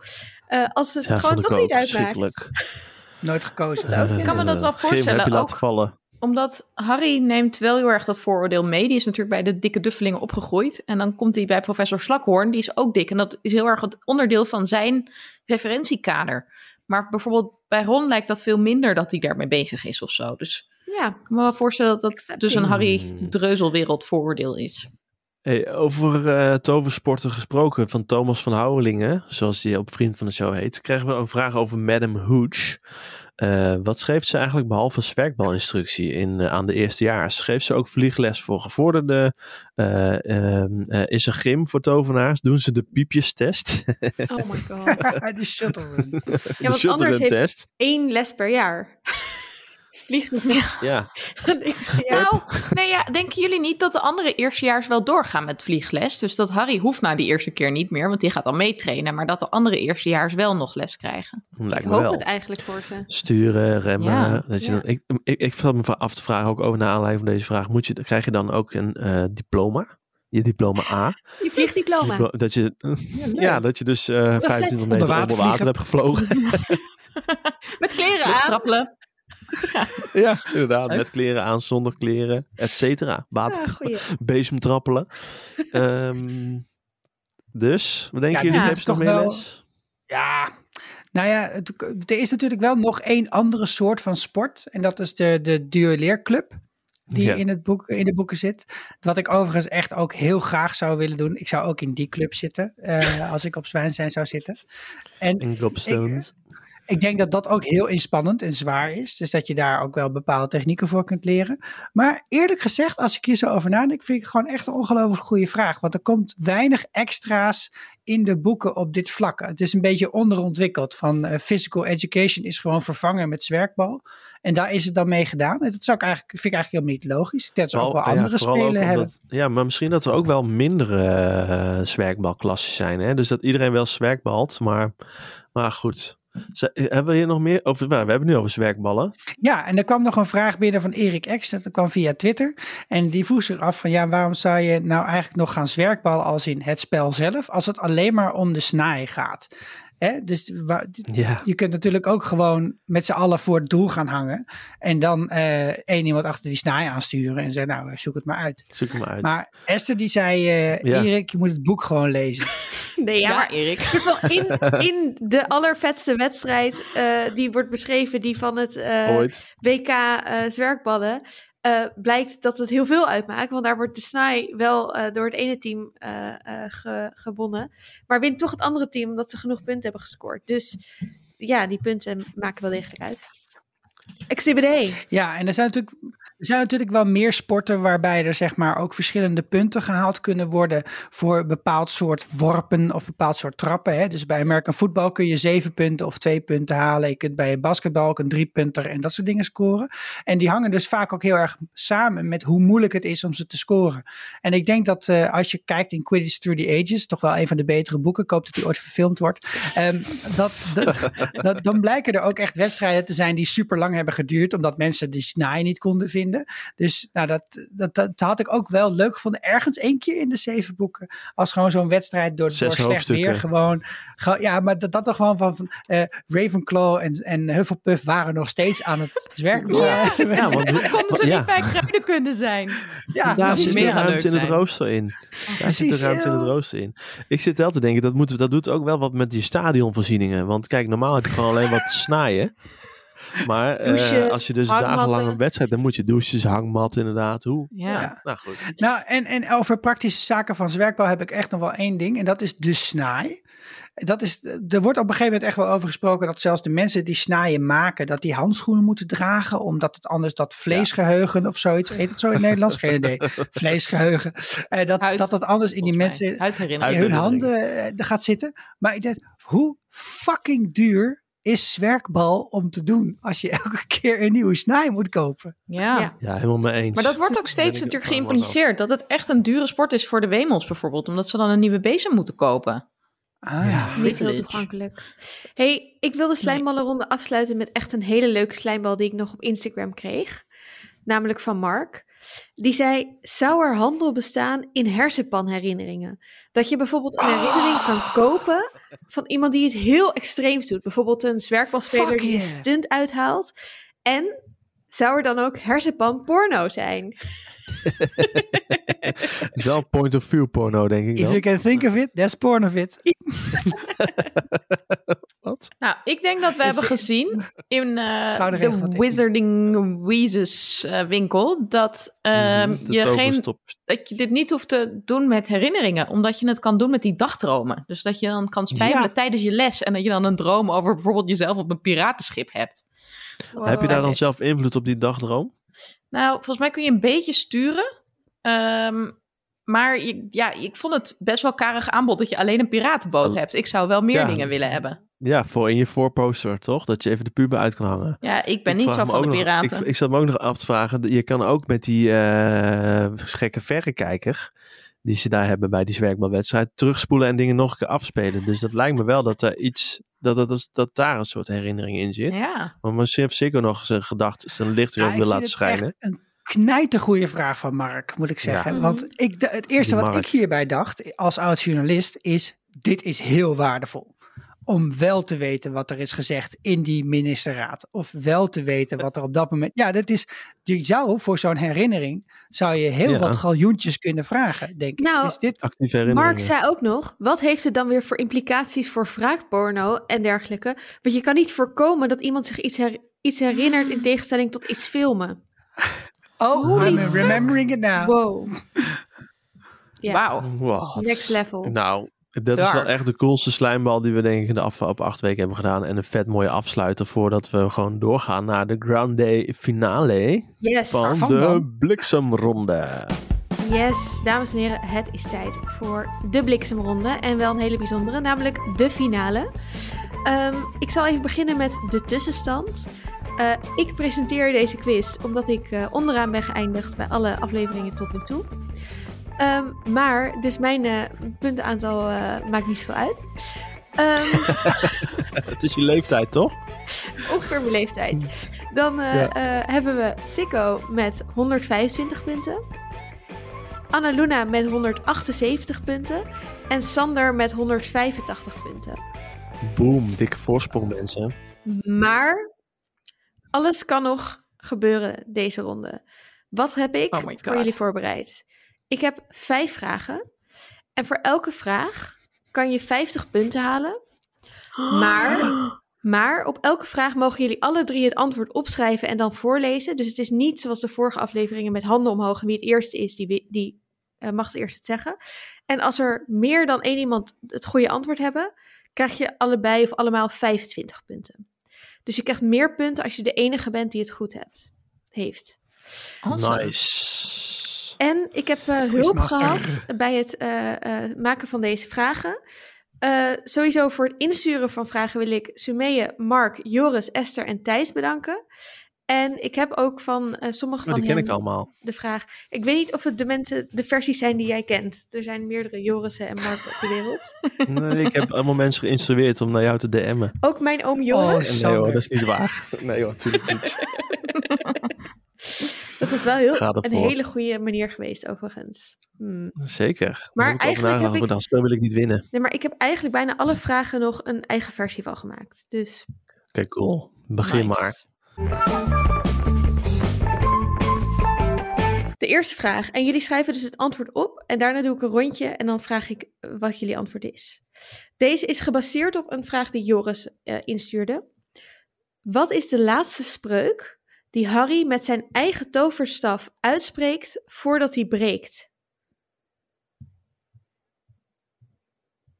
Ik geef jullie heel even bedenktijd. Misschien kan eh, Jeroen, onze awesome editor, hier een soort een Ja, TikTok, TikTok, props voor Jeroen. TikTok muziekje. Ja, sowieso even shout-out naar Jeroen in de tijd dat jullie aan het opschrijven zijn.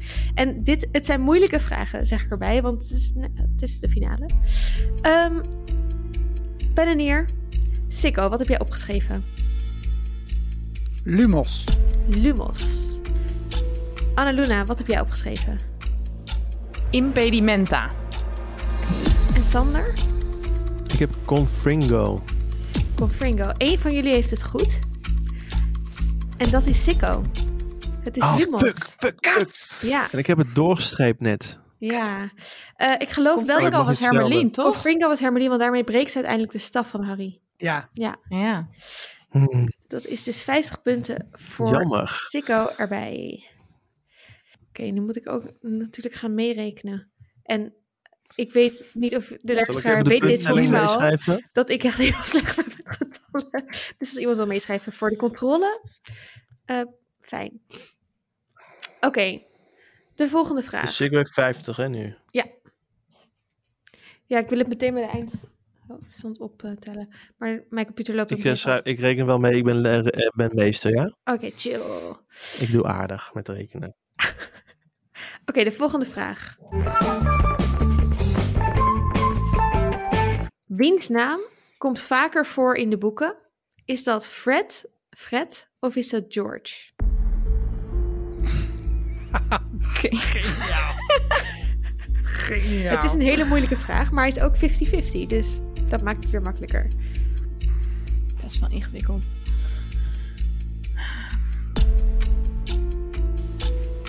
Pen en neer. Annaluna, wat heb jij opgeschreven? Ik heb pret opgeschreven. Natuurlijk, want ook. voor Freddy. Sander ook en Sikko? George. Het goede antwoord is Fred. Dus dat zijn Hey, 25 dan hebben we allebei punten 25, hè? voor Sander en voor Annaluna. Ehm Fred's naam komt 900 keer voor. En die van George 731 keer. Dus het is ook echt een heel groot verschil. Dat is wel grappig om je omdat ze Fred en George heten natuurlijk. Ja. Mhm, Cool. Leuke vraag. Ja. Dat was een vraag van mij. Nu komt een vraag van Thijs. Op Zwijnstein houden de leerlingen wel van een slokje.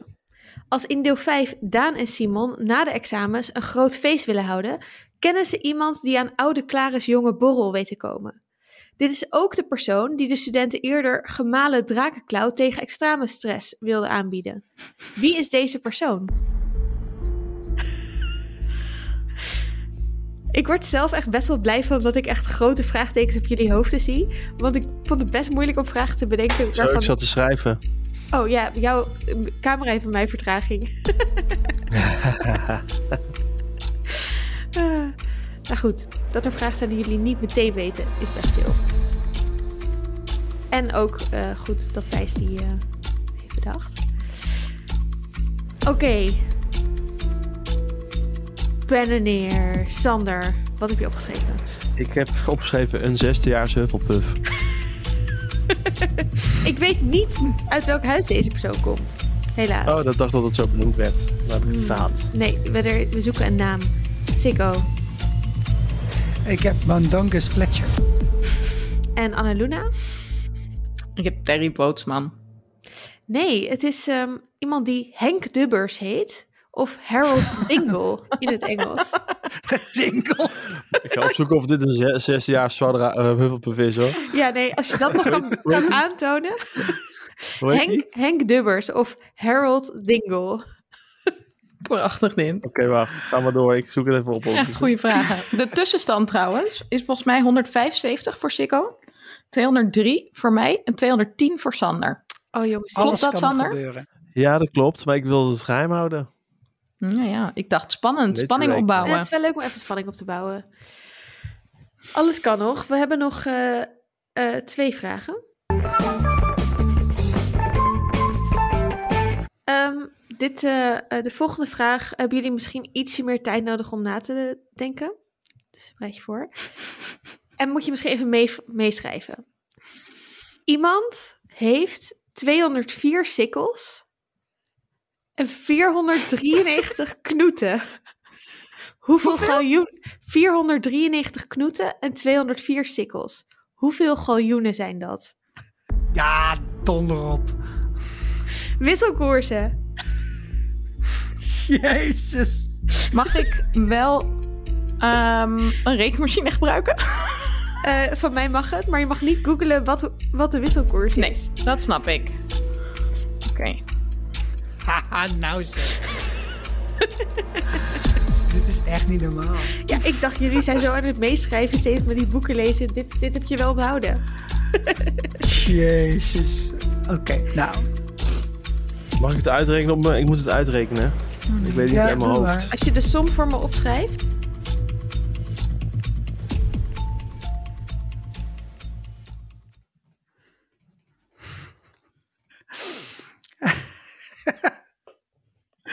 Het erge is dat die Engelsen ook nog eens een hele lange tijd zo'n soort belachelijk Ja, geldsysteem hebben gehad. Oké, nou.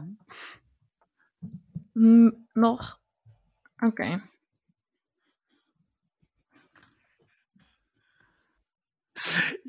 Nou, ik ben ervan uitgegaan dat er eh, 23 knuts in een sikkel gaan. Dus dat heb ik eerst gedeeld. Eh, toen hield ik daar eh, dus eh 11 sikkels aan over. En die heb ik opgeteld bij de rest van de sikkels. En dan hou ik er 215 over. En volgens mij is de koers...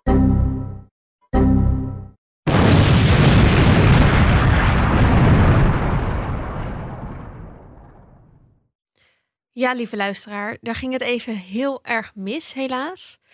Ehm, we hebben de quiz afgemaakt. We hebben een verdere eh, opname. Alleen daar is iets misgegaan. En eh, vanaf nu hoor je een eh, nieuwe, nieuwe opname die we hebben gemaakt om toch jullie een hele aflevering op te leveren. Maar dat, dat bracht ons bij iets best lastigs. Namelijk, de quiz hebben wij met elkaar gedaan. Daar is een winnaar uitgekomen. Ik weet wie. Sander weet wie. Ik ga dit ook zeggen, want dan ja, wordt hij toch vereeuwigd als de eerste winnaar. De Namelijk echte Sander. winnaar. Ja. De eerste winnaar. Ehm, maar ja, we gaan jullie niet twee, eh, de, de finale van de quiz onthouden. Dus we gaan er gewoon, ik heb nieuwe vragen gemaakt. En alles kan weer. Ik wil even die perkamentes gewoon... Oh ja, Zwadrig is eigenlijk al winnaar, maar nu, kom, Sfeer nu zit er komen er meteen goed nieuwe in.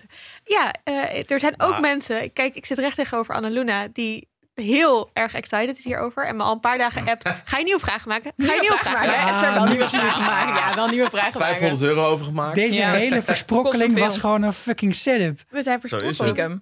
Maar we zitten nu wel bij elkaar in de studio. En dat is wel Dat is echt... heel mooi. Live goals. Elk nadeel heeft zijn voordeel. Er zit een zoals Johan spatscherm tussen, trouwens. Ja. Wat echt Ja, vet, eh, best wel fijn het van is deze tussen mij en jullie, maar niet tussen mij en Sander. Daar had ik hem eigenlijk liever gehad. Ik heb mijn plek tactisch uitgekozen. kan Esther schoppen als ze toch een te moeilijke vraag geeft? Haha. Eh, Oké, zijn jullie er klaar voor? Ik ga de tussenstand voorlezen. Terwijl jullie... Ik heb... Hier liggen ook pen en papier op, op tafel. Dus ik, Op de- ik kan heb het allemaal in de gaten de houden. vakantie gehaald op de overwinningsroes trouwens. Dus die paar dagen dat ik de winnaar was, was ik echt... Nou ja, dat was fijn, want dat was de laatste dagen van Onverslaanbaar. mijn vakantie. Onverslaanbaar. Ja. We gaan zien of het je ook eh, een het. eh, boost geeft in de, de echte finale. ja. De tweede finale. Hm. Spannend. Oké, de tussenstand. Pam, pam, pam. Sikko heeft 175 punten. Annaluna heeft 203 punten. En Sander heeft 210 punten. Ik heb Bam. net Sander dus een blaadje gegeven en vond dat ik er toen vijf punten bij mocht, maar Sander Doei. weigert. Ik heb je mijn boek uitgeleend, ja. Zo'n 50 Hermione. punten. Ja, dat is aardig van je, maar ik ga er geen 50 punten voor Nee, geven. daarom. Oké, focus. Oké, sorry. Maar het is wel spannend. Deze vraag is geïnspireerd op de eerdere vraag die Mark had aangeleverd. Maar ik heb hem iets eh, ehm, anders ingestoken. Namelijk, Harry won 1000 galjoenen voor het tovenaarstoernooi. Hoeveel ponden waren dat ongeveer in de tijd dat het boek uitkwam? Jesus Christ. Oftewel, Eerst weer terug rekenen, rekenen naar knoeten. Oké. Heeft nou, iemand een weegschaal bij zich? Oké, pound, English pound. schattingsvraag voor de schaal bitterballen. Ik heb Altijd überhaupt- leuk. Geen idee. Niemand van jullie heeft ooit opgezocht hoeveel Nee. een galjoen heb het- waard maar was. Ik doe Ja. euro's. Ik heb altijd gevonden dat die dingen Euro's zo, mag ook. zo vaag verhouden tot elkaar. Weet ik ook niet. Een biertje 1 galjoen, een toverstaf 11 galjoenen. What the fuck? Hoe- Nou, misschien kan je... eh, We, we gaan hem veranderen. Degene die er het dichtst bij zit, ja? krijgt de 50 punten. Oké. Dus gok maar een beetje. Duizend galjoenen. Hoe duur is ook weer die binoculars die ze krijgen? En waarom wil Ron dat absoluut terugbetalen aan Harry? Hier mag weer het eh, fantastische wachtmuziekje. Ik zie hier rekensommen worden opgeschreven. Ik, ik weet het. Ehm schrijf het hier op. In ponden ook, hè? Ponden, Wat is ja, ook weer de cent van de Je mag pond? het ook- Pennies, hè? Pennies. Ik moet zeggen dat op dit moment is de wisselkoers tussen de euro en de pond niet heel groot verschil, ongeveer 50 cent. Dus als je het in euro's doet, vind ik dat ook oké. Still Ik weet lost. het. Ik ben klaar. Nog steeds een heel groot vraagteken Oké, bovenaan. Ja, 3, Ja, joh. 2, 1, Sikko. 5500 pond. Sander. 12.732 pond en 86 pence. Oeh. Annaluna. Ik denk gewoon 20.000 euro. Het was 5000 punt, pond. No. Sikko schiet hier Dan omhoog krijgt Sikko in de twee quiz. punten, hè? Ja. 50 punten voor Sikko. ja, het viel mij best wel mee, omdat het zo'n Kickstarter was voor die winkel van Fred George. Ja. Het is Ja. echt niet zo'n groot bedrag, maar het was wel in 1995. Toen was het misschien Precies. iets meer Maar waard. misschien is de inkoopprijs voor al die shit die die verkopen fucking laag. Ja, ze hoeven er één van te kopen. Dan maken ze gewoon een verdubbeling van. Ze gaan helemaal Jezus Christus op al die zooi. Oké, dan komt nu de allerlaatste vraag.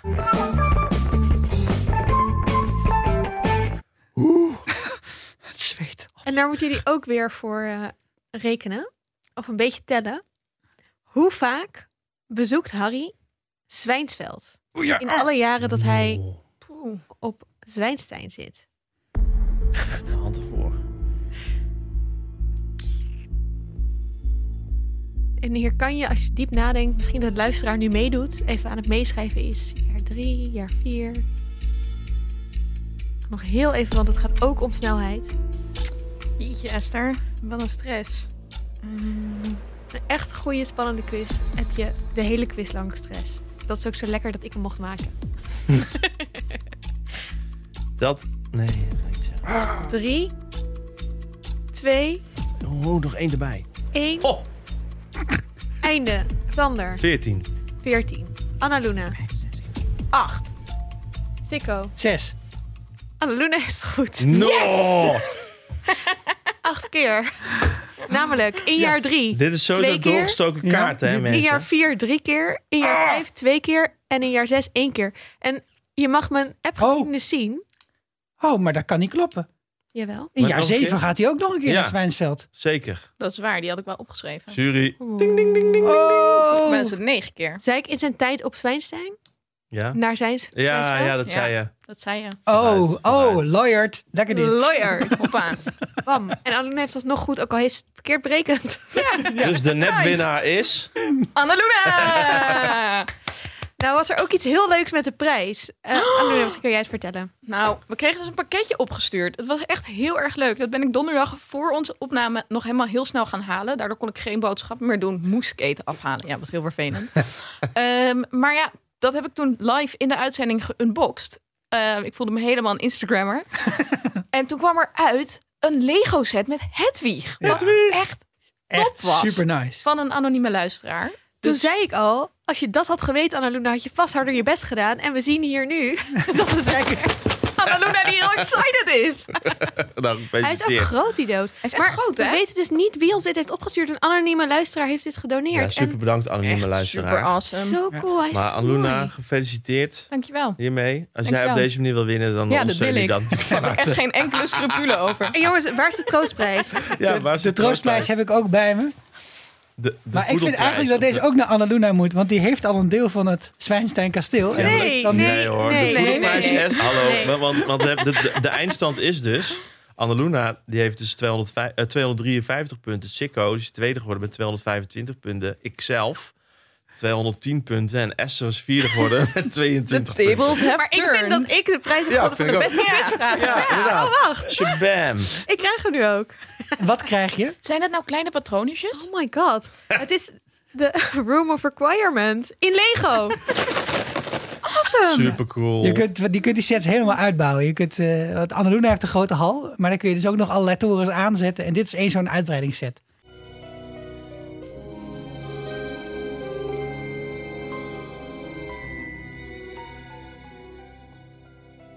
Weet je wat ook echt een hele goede vraag is die Annaluna heeft gesteld voor de puisten? Want we hebben natuurlijk nog twee puisten. Eentje van Annaluna, want ze heeft de eer, omdat ze nu wel gewonnen heeft, maar heeft ze de eer om de laatste puist in te leiden die van onszelf komt. En we hebben ook een luisteraarspuist.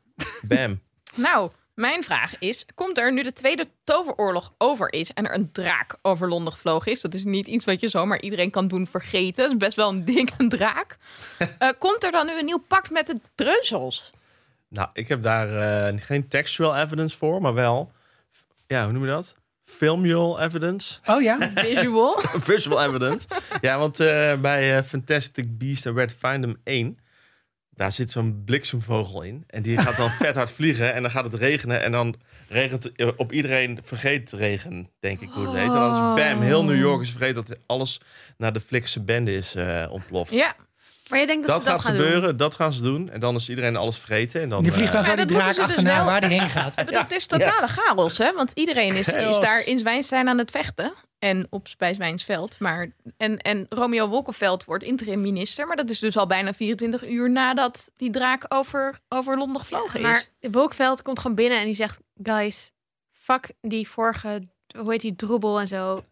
Het gaat nu, we gaan gewoon Pius Dikke. echt... Het gaat helemaal goed komen. En die is gewoon helemaal in control. En die neemt allemaal awesome nieuwe wizards aan. En die gaat voor vernieuwing in de magie, magische bestuur zorgen, dat denk ik. En dat de kroon op zijn werk is Hermelien, die hij soort van door dat hele systeem heen gaat slepen. Nee, dat is natuurlijk niet echt nodig, maar wel kansen gaat maken. En Oh, dat zij dan soort van de hele nieuwe. Maar ik wil eigenlijk een, ik zat één ander ding te denken. Namelijk dat eh, de dreuzels willen, willen niet echt chillen met de tovenaars, volgens mij. Want het feit dat er al die pacts eerder zijn gemaakt en Mhm. dat ze underground zijn gegaan, ja. komt omdat dreuzels vet stom deden tegen tovenaars. en een soort van. Vet stom. En ik snap het wel, want de tovenaars zijn in de minderheid en ze zijn best wel een bedreiging. Ze gingen Calimero doen. Precies, soort Jij van bent laten we ze uitroeien. Het is niet eerlijk. Ja. Dus er moet wel, als Ja. ze wel samen willen leven met de dreuzels, dan moeten ze wel echt met een goed plan komen. Een soort van, hey, kijk hoe chill het is. We gaan allemaal shit voor jullie fixen. En dan in ruil daarvan gaan jullie ons niet uitmoorden. Hier Yay. mag je ook bij, Ja. bij verschijnselen naar mijn werk. Ja, bijvoorbeeld. Verdwijnselpoelen.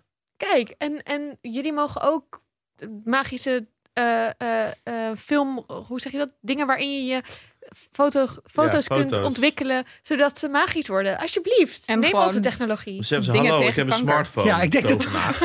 Al die magie, ja, eh, ja. not Ik interest. bedoel, best wel belangrijk ook. YouTube. Ja. Hier, wij fixen gewoon. Wat nou hersenpan? Hier, TikTok. Bam. Dat is andersom. Oh ja, sorry. Ja, nee, ik zij ken het- TikTok niet. Maar ik dacht, het klinkt modern. Maar in elk geval gaat het nog niet meteen gebeuren. Want we weten ook dat Ron nog wel zijn, zijn rijlesinstructeur moet. eh, Oh met ja, een, met een eh, ja. dwaasspreuk. Hoe noem je dat? Een eh waanzin, waanzichtspreuk? Waanzichtspreuk. Ja, dus... jij, eh, jij hebt de quiz gewonnen, dat zou je moeten weten. ja, maar nu ben ik weer uit. Nu Dus, denk ik gewoon, whatever. Zij zijn diegene die na het tentamen ook gelijk alles vergeten is. En er niet meer over Nee, eerst, na, dat is wel echt eerst, zo waar. eerst nabespreken, denk ik. Tot in de treuren. Dan Ik een sixpack bier erin. Ik zeg hier niks meer over. Oké. maar wat ik me wel afvraag, hè, de- die tovenaars zijn niet voor niks zeg maar ondergedoken. Dus waarschijnlijk is er al eh, ooit een of andere vet grote oorlog geweest tussen eh, tovenaars en dreuzels, waardoor ze dachten, ja, later, wij gaan gewoon, eh, jammer dat jullie geen magie willen. Ja. We gaan wel gewoon weg en we verstoppen draken en zo voor jullie. Nou, hoe je het ook ziet, of de, of de tovenaars in de bovengestelde positie of de ondergestelde, de meerderheid, de minderheid. Er is, blijft altijd een groot verschil tussen dreuzels en tovenaars. Dus het is gewoon slim om te zeggen, nou weet je wat, doe jij jouw ding, doe ik mijn ding. Dat altijd wel een beetje de conclusie moet zijn. Ik ben ook wel benieuwd naar die nieuwe, gaan we het zo denk ik ook nog heel veel over hebben, maar die nieuwe Fantastic Beasts films, omdat er ook werd ge- geïmpliceerd dat de Eerste Wereldoorlog of de Tweede Wereldoorlog, Tweede, Wereldoorlog, Dus Grindelwald, arbeid macht vrij. ja, dat het eigenlijk Ja. een soort van een tovenaarsoorlog is waar de dreuzels in werden meegesleept. En Huh? als Oh. dat is gebeurd, dus dat eigenlijk, weet ik veel, Hitler een puppet van Grindelwald of I don't know of dat dat een soort van dezelfde persoon is. Ik weet niet hoe ze dit gaan doen, maar Ik had het gevoel dat, dat zij zeiden, eh, laten we de dreuzels kapot maken, want ik heb in de toekomst gezien dat we oorlog krijgen als je ze, als je ze aan de macht laat. Dat was toch de, de, de deal? Sorry, maar ik vind het plot van die films is zo onafvolgbaar dat jullie allebei Ja, nee, gelijk kunnen ja, hebben. gelijk, je hebt I don't know. we willen weten hoe dit gaat. Want dan, als het wel zo is dat dat soort van heel erg door elkaar liep en dat het elkaar verergerde, dan kan ik me wel voorstellen dat dreuzels een soort van zijn van fuck jullie, rot lekker op naar je, ga lekker je eigen wereldje shit je doen. later. We hebben Laat ons gewoon met rust. Ja. We hebben geweren en smartphones. Waarom zouden we die niet nodig hebben? Stuka-bommenwerper hebben we ook. Ja. Hè? Nou, goed. Waren er nog meer vragen eigenlijk? Over? Nou, over puisten? eh, hoe dat zit in onze wereld misschien. Ja, zeker, want oh, dit was het bruggetje. Ja, ik, ben, ge- ik ben gewend dat je op een rechthoekje dan gaat zwaaien van ik ga nu een bruggetje maken. En dan zit je nu in één keer naast me. Moet, moet ik dat? Nou goed. Oké, bruggetje. Ja, bruggetje. Ja, er zijn nog meer vragen. Want toevalligerwijs hadden we ook van, eh, van Martijn een supercoole luisteraarsvraag gekregen. En daar hebben wij een luisteraarspuist van gemaakt. Tot slot, het leuk om eens over na te denken. Hoe zou de magische wereld er in Nederland uitzien? Wonen er tovenaars in Phoenix? Is er een extra waddeneiland met een dorp zoals Zwijnsveld? Is er een Ministry of Magic in Amsterdam en Den Haag? En zo ja, waar is de ingang? Het is sowieso niet in Amsterdam in een studio in Oud-West. Dat denk ik ook. Daar is het sowieso niet. Nee, dat- nee. Maar heb je al drie keer eh, met je linkerhiel getikt tegen, de, tegen het piskruis dat hier buiten de straat staat? Ja, Want dan zak je gewoon... dat doe ik wel bam. elke keer. Ja? Gewoon voor de zekerheid. Ja, Bij elk piskruis. Ja, Ja. Maar je moet ook wat doen als je de hond uitlaat. Het is gewoon best wel ik saai. In Parijs is de ingang van de metro, van een beeld waar je dan iets tegen moet zeggen. ja, Ja. ja ik, ik denk wel dat er allemaal tekens zijn in het Nederlandse landschap van de aanwezigheid van magiërs. Ik dat denk, is Chinatown. maar dat wij staat ze allemaal in verkeerd interpreteren. Dus hunebedden die hebben echt Oh ja. een hele interessante... maar Ja. Dat, dat zijn eigenlijk dat zijn schrijftafels. Dat weet niemand. Dat denk ik al dat graf, graftombes zijn. Maar dat, is iets, dat is iets anders. En zo zijn er meer plekken. Nederland lijkt dan heel klein. Maar elke keer als ik dan weer ergens kom... Drie op een. Waddeneilanden of, ik denk altijd, oh, dit is er ook nog. Dus ik Ja, kan me het zo windmolens zijn een soort van laadpalen voor draken. What? Hoe dan? Duidelijk. Heb je die nieuwe soorten windmolens gezien die op vibrators lijken? Google maar even. Daar zitten Echt nog, geniaal. eh, ja. zitten de wieken nog, wieken nog Er zit geen wieken op. Dat ding trilt alleen maar door de wind. En het ziet eruit als een fucking dildo. op. Oké. Rakendildo. Nou. Rakendildo. Duidelijk. Ja, en Bessem raken ze er heel opgewonden van. Ik denk dat. Ik denk twee dingen. Eén is dat onder, sowieso het IJsselmeer een ding is wat ze gewoon hebben gemaakt om te verbergen dat daaronder echt een mega wizarding community is. En dat Ja. daar gewoon, als er een ministry is, dan is het daar. Eh, en je kan er misschien in door, weet ik veel, Flevoland of zo. Of Urk, zo'n eilandje.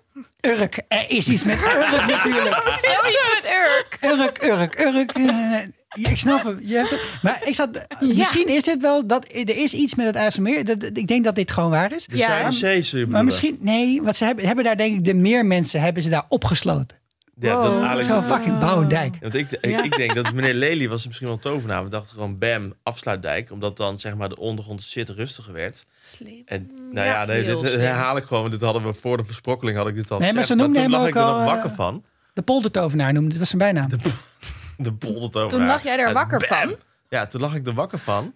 En toen dacht, was ik echt vet lang aan het nadenken. Toen dacht ik, heel de, heel de eh, watersnoodramp was ook gewoon het gevolg van iets tussen Oh. tovenaars.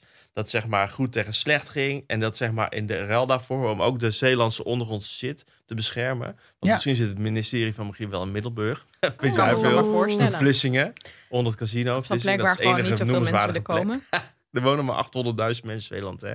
Maar opeens is toerisme booming familie. in Zeeland. Ja, ik ga naar Zeeland de- deze Ja, dat is vakantie. waar. Nou, Nou, leuk voor jou. Ja, nou, stilte. Ik ga volgende week naar. Zeeland. Mijn moeder woont daar. Dat is hartstikke leuk. Kijk. Leuk. Dit, Nee, maar dit, ik, dit ik, hoop ik denk ook dat de Ja. Deltawerken een soort ja, een soort eh, manier zijn ontwikkeld om dus eigenlijk de, het ministerie zo te beschermen. Dus eigenlijk zeg nog je, meer shit. alle dingen waardoor Nederland trots is op Nederlanders zijn, Tovenaars. is eigenlijk tovenaar. Ja. ja, en zoals ze bij Zwijnstein eigenlijk De alleen maar vlees eten de hele tijd, eten ze in Nederlandse toverscholen alleen maar vis.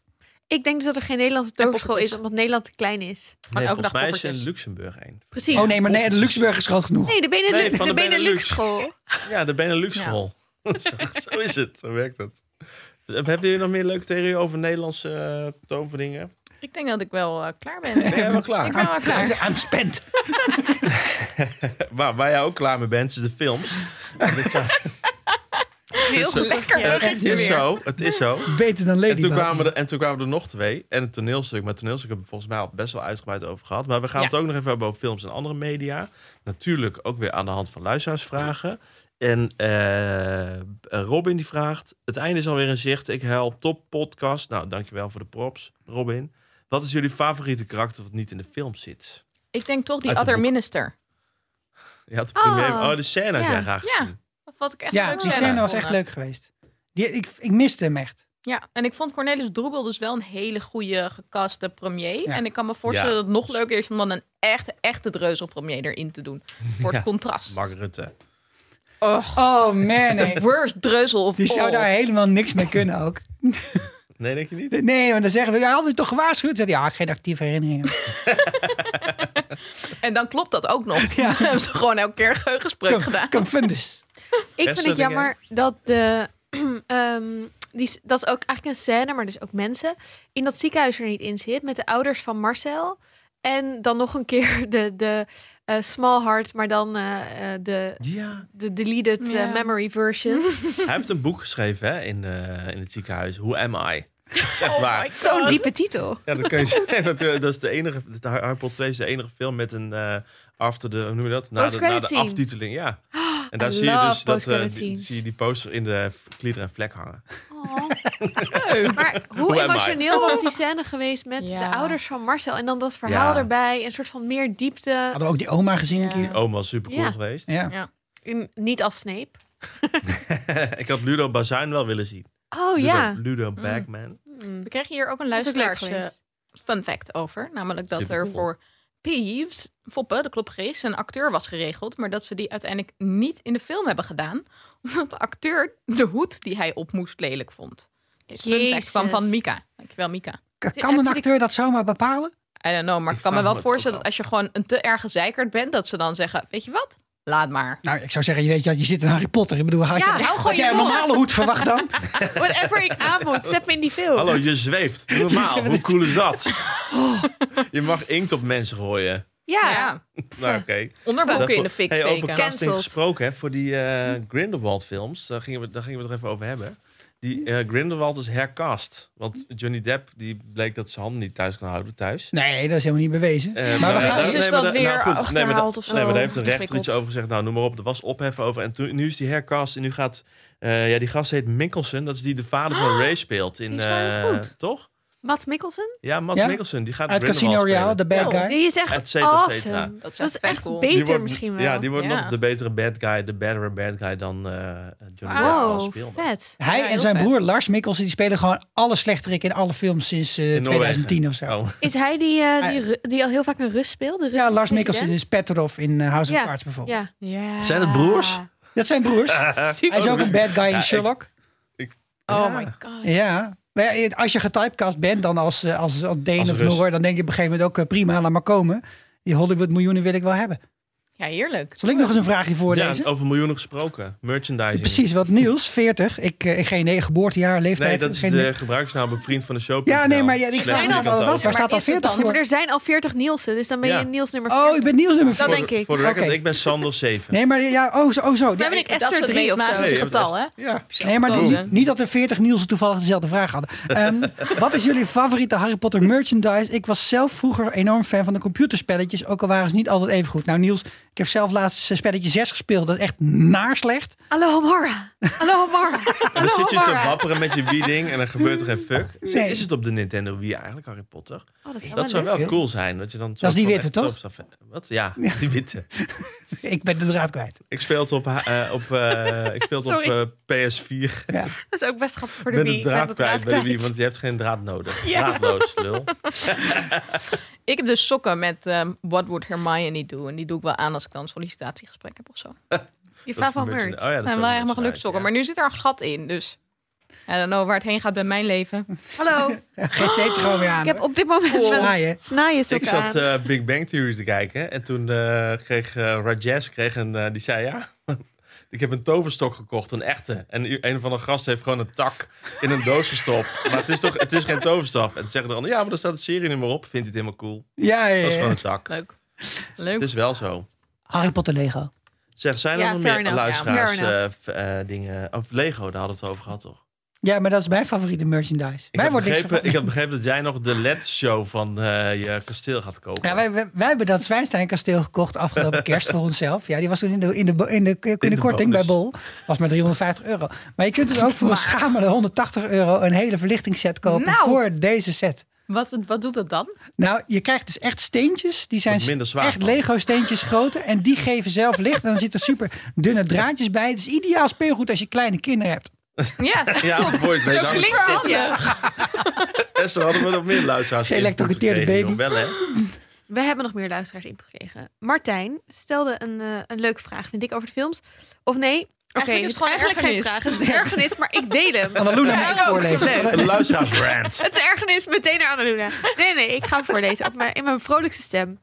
Ik heb steeds een terugkerende, eh, ik heb een steeds terugkerende ergernis over de casting en die begint bij Alan Rickman. Zijn Snape is perfect, maar hij is een vijftiger, terwijl Harry's ouders in het boek vroege twintigers zijn als ze sterven. En Snape dus halverwege de dertig moet zijn bij de start van de films. Kom vrolijker. Oké, had ik beter op kunnen letten. Maar dat is, klopt wel, want dat gaat dus heel erg door. Een soort van, omdat ze Snape hebben gecast, zijn die ouders ook ouder. En eh, is jammer. Ja, en is jammer. het stom. Ik, ik deel deze ergernis, Martijn. Heel goed. Kijk, dit, dit klinkt ook echt erg. maar eh, nog een keer rondje. Alternatieven dan voor Snape? Jongere Snape? Nee, dat is gewoon heel erg moeilijk. Benedict. Ja, maar die moet gewoon elke rol bijna spelen. Want die moet Ja. ook al Voldemort. Dat hebben we ook allemaal gezegd. Oh ja, dat is waar. Ik vind die, eh, die jongen die eh, Loki speelt in Marvel, Tom Hiddleston. Ik heb al eerder gezegd dat hij Sirius moet doen. Maar hij kan ook Snape doen. Oh, Ik vind hem veel meer. Snape dan Sirius. Ik vind het allebei goed. Jon Snow is Hij heeft Sirius. wel een goede sneerstem. Nee, die kijkt Misschien, veel eh, te de gast die, misschien de gast die Bron speelt. Kan die wel Snape zijn? Maar die is echt ook heel oud. ja Over oud waar. Hij gesproken. heeft toch CGI. Dat is wel waar. Dat hebben ze ook een beetje geprobeerd, toch, in die films? Dat ze Snape jonger laten lijken. Op een Ja. gegeven moment. Ja, Vond ik niet fijn. nee. Oké. Oké. We kregen ook een vraag. Dat was wel echt een goede vraag. In boek 4 maakt Dwaaloog gebruik van de sluipwegwijzer. Dus eigenlijk Barty Crouch als Dwaaloog. Maar mij, en mij is Niels, is niet geheel duidelijk hoe Harry deze weer in bezit krijgt. Want in eh, nou ja, boek 4 wordt natuurlijk aan het einde Barty Crouch gearresteerd. En dan in boek 5 heeft Harry ineens die sluipwegwijzer weer. Dus hoe komt dit? Ja, ik heb dit dus uitgezocht, want ik dacht toen ik het las, ja, maar hij krijgt hem van Berkamentus, de. En toen ging ik het herlezen, want ik kon het nergens vinden. En toen ging ik het googelen en toen bleek dus, dit is iets wat, eh, wat, wat gewoon nergens wordt aangegeven. Misschien is hij naar. Louis kopie gaan. Heeft gewoon een nieuwe geprint. Zou kunnen.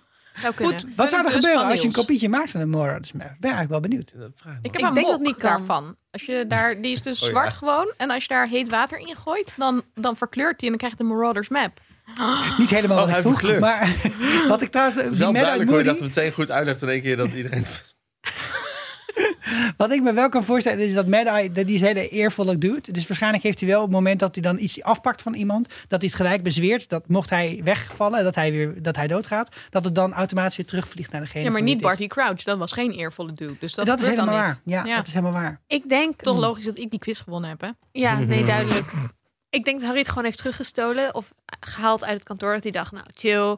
En ik had wel nog gelezen dat ehm, Harry het later niet aan een van zijn kinderen geeft, maar dat James het waarschijnlijk van zijn eh, bureau heeft gesnatcht op een gegeven moment. Nice. Nice. Dat is best wel erg dat je vader gewoon de hele tijd op zwijns en in de gaten kan houden waar jij oh bent. my god, dat is zo kut. Wow.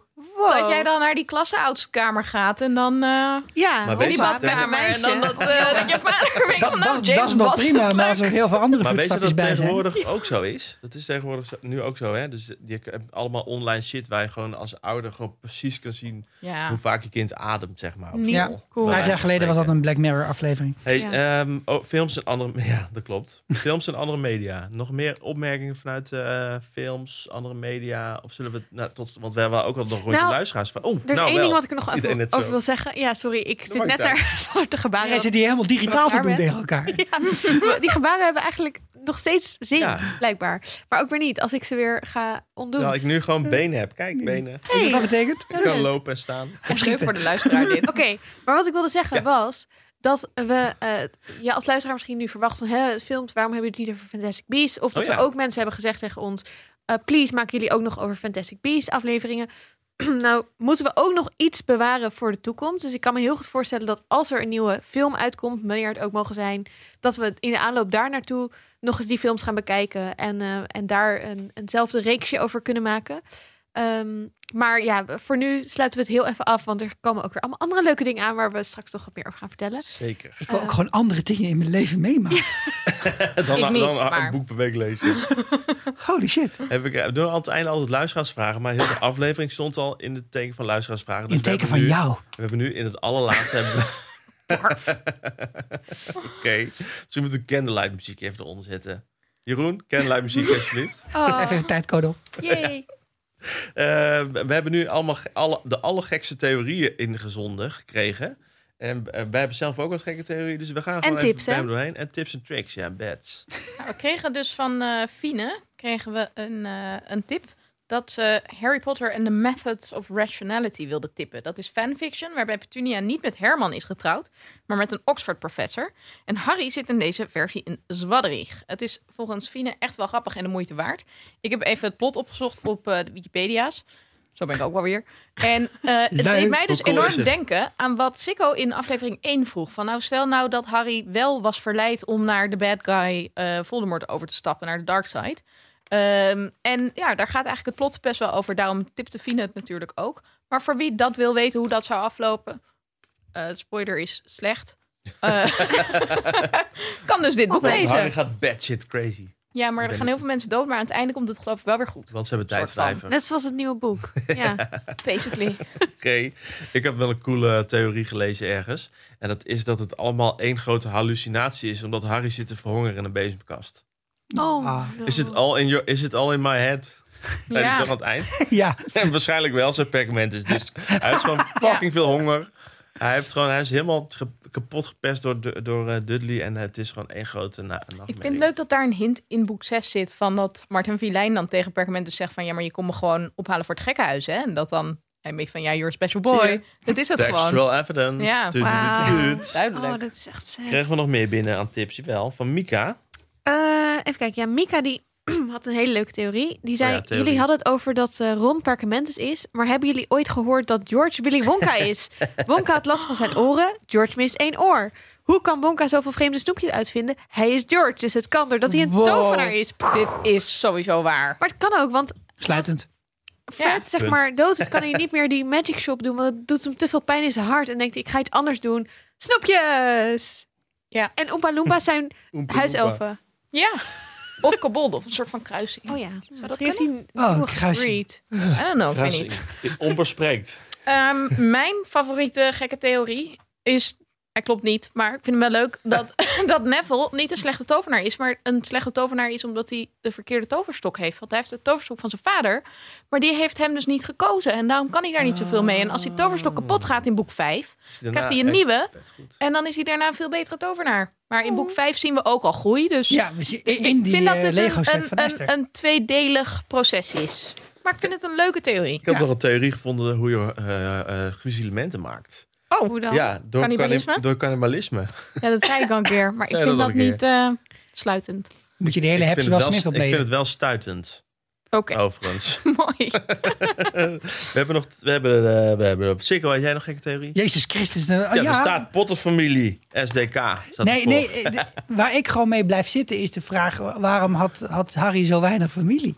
Ja, maar, Dus hij had, wel een vader en een moeder, maar die hebben denk ik ook ouders. En, en dat James dan blijkbaar geen broers en zussen. En, eh, en eh, alleen maar Petunia. Nou, Maar ook geen volgens mij is overgroot- James het enig kind. Ja. En eh, die ouders, daar zegt Sirius wel bij dat hij daar een tijdje bij intrekt. Ja. Als de laatste twee jaar van Zwijnstein. Maar die kunnen dus in de, in de vier jaar daarna wel overleden zijn. Ja. Sad. Maar je weet dat wel met families. Families zijn toch altijd veel Je hebt fucking altijd die groter dan je gekke denkt. achteroom Maar die je de avond moppen zitten tappen Wel heel op veel mensen die niet hun hele familie zien of spreken. Dat is zo. Ja. Maar toch, dat niet, dat niet wat meer mensen uit zo'n directe familie zich hebben ik vind het dus om eigenlijk Harry, wel- vind ik jammer. Passen bij. Je hebt die oude tovenaarsfamilies die uitsterven. Dus die Ja. familie van James die sterft uit. En de familie van Lily is er wel. Maar ja, daar hebben ze dus ook een beetje ruzie mee. Ja, Moeilijk, ik vind het wel belachelijk dat dat kind gewoon bij de Dursleys wordt gedropt en dat niemand... Ja, Check je Vooral later. gewoon op de doorstep. Dat je Ja, denkt, hallo, dat klop dan even Bel aan. hem aan. Nee, maar Zo dat, hij weet niet hoe de deurbel werkt, denk ik. Dat is, Ja, mag- dat is dat is het, magie. maybe.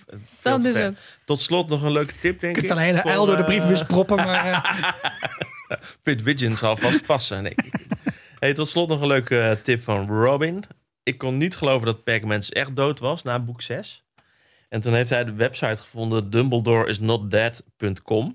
Waar echt dus fucking veel theorieën staan eh, dat hij nog leeft. Ik heb een aansluitende theorie nog. En dat is dat Dumbledore wel Death is. Dus Death. met E D-E-A-T-H. Ik dacht dood. Dus dat hij de dood is uit dat sprookje. Dus je hebt daar die drie broers en dan de dood. Die die mantel en die stok en die steen geeft. En dan zijn de drie broers, zijn Voldemort, Snape en Harry. Wow, Wow. diepe symboliek. Mind blown. Ja, en die broers had ik nog even opgezocht voor de quiz. Die heten dus Antiochus, Cadmus en dat had ik Ignatus. nog even op. Dat is wel een leuke vraag geweest. Ja, en dus eh, dan is Voldemort, die wil dus de zegenvlier, want die is machtbelust. En Snape, die leeft te veel in het verleden. Die wil die steen. En die wil zijn eh, vriendinnetje Oh. terughalen. Ja. En Harry wil de onzichtbaarheidsmantel, want die snapt hoe het echt werkt. Ik oh vind my dit een. Wel een leuke eh, theorie, Ik vind het een heel Ja. mooie theorie en Ja, een superleuk heerlijk. einde van de, deze aflevering. Want we zijn er wel na acht weken, ja, acht keer anderhalf tot Zwaarste twee week. uur lekkere boeken bespreken. Het- wat wij eigenlijk bij het Game of Thrones podcast, waar we al mee, mee starten, al mee begonnen waren. Super cool.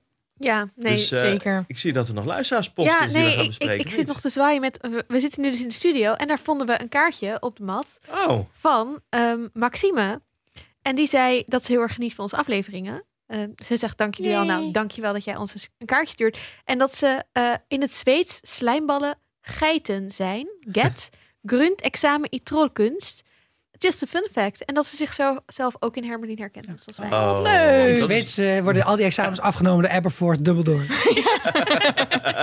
We kregen ook nog een eh, donatie van Arco. Thanks Arco. Via een vriend van de show.nl slash vierkante ogen. Zo fijn. Als je ook denkt na al deze afleveringen, dit, dit is amazing. Maak meer, maak vaker dingen. Ja, dan doe het. dat kan door te doneren, want daardoor kunnen we misschien wat meer tijd besteden nog aan afleveringen.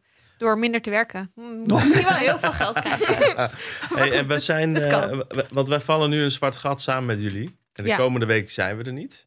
Nee, maar de week weekje. daarna zijn we terug. Want op 14 mei dan komt Ferry de film uit. En zoals jullie Denk al jij? horen... Denkt jij? Jongen, ben ik een janker te va? Oh, ik heb echt zin om dit met jou te doen. En wij hebben een tolk hebben we ingehuurd. Dat is... Nee, dat is eh, Ferry de film. Die komt uit op 14 mei. En eh Annaluna en Esra Sikko die hebben al aflevering gemaakt over Undercover seizoen 2.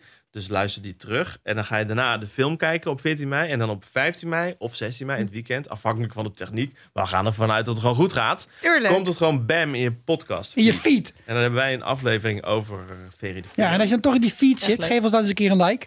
Ja, geef ons anders een like. Hebben jullie nog tips voor we eruit gaan? Tips over wat de mensen in de tussentijd kunnen doen om de tijd te overbruggen? Nou, Behalve het Brabantse woordenboek raadplegen. Je, je kunt alvast een beetje hypen naar eh, Huis van de Draak. Huis van de Draak. 2022. Pam, pam, pam, HBO heeft confirmed dat de prequel van Game of Thrones echt gemaakt gaat worden. Er wordt getable read op eh, anderhalf duizend meter afstand. En eh, ja, de eerste shots zien er leuk uit. 222. Kachang! Lekker. Nice. Ik heb twee dingen. Eén, ik vond het echt super, super leuk om deze aflevering te maken. Met Ja. al die luisteraars. We hebben echt veel luisteraarsvragen gehad. Echt goede vragen. Ja! Mijn mind was blown een paar keer door theorieën en inzichten. Dus ehm, als je de komende tijd verveelt en je hebt nog ofwel inzichten over Harry Potter, maar mag ook over alle andere soorten popcultuur die er zijn, laat het achter op vriendvandeshow.nl slash vierkante ogen, want dat vinden we echt heel leuk. Eh, ook als je dingen hebt waarvan je denkt, dit komt over een paar weken uit, please, willen jullie dit kijken? Want wij gaan ook met elkaar bepalen wat we de komende tijd eh, gaan bespreken. En de tweede tip is, scroll even door onze feed naar Ja. bijvoorbeeld de afleveringen over Nola Holmes of Star Wars The Mandalorian, eh, The Crown. The Crown. Hamilton. Bridgerton.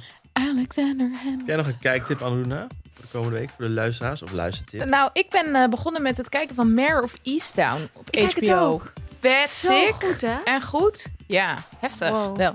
Dus dat. Ja, het staat op ehm, ja, HBO, dus Ziggo. Ziggo bij mij. Ja. En er zijn pas twee afleveringen uit met Kate Winslet. Oké, Echt super cool. Ik kijk Shadow and Bone op Netflix. Mhm. Wat echt, eh, die eigenlijk kijk, keek, moet ik zeggen, want ik heb het gebinged. Stond Het in de Volkskrant dat het heel goed is. Ja, het is wel goed. Ik, mo- ik had best wel een Game of Thrones gevoel in het begin erbij. Omdat je de eerste drie af, nou ja, de eerste drie afleveringen denk je, oh wat fuck, nog een volk, nog een volk, nog een soort, weet ik veel wat. Er zijn echt zoveel namen en dingen. Nou goed, super vet. Eh, ik heb nog een tip. Ik ben dus boek, het nieuwe boek van Thomas Oldeheuvel aan het lezen. Orakel. Orakel. Oh nee, Orkater. Nee, nee? Orakel, Orakel. Orakel. Super cool. Hoe is en, het? ja, nee, spannend. Ik probeer door te lezen de hele tijd. Dat is heel gaaf. Moet je weer een podcast komen En opnemen. nog een podcast tip, de allerlaatste. De podcast Geel. Oh Oh, ja. ja. ja, Het ik gaat iedere week of iedere keer over een ander aspect of een andere tint van de kleur geel. Ja, het is ook een hele leuke vet. maker. ja, vind ik wel. en tot, tot alle slot, Jeroen, dat is degene die onze podcast edit. Die mag Ah. iedere keer als wij een zijpaadje opgaan of als ik weer per ongeluk zeg dat, Als wij ons okertje, eh, sorry, jokertje. dat is grappig.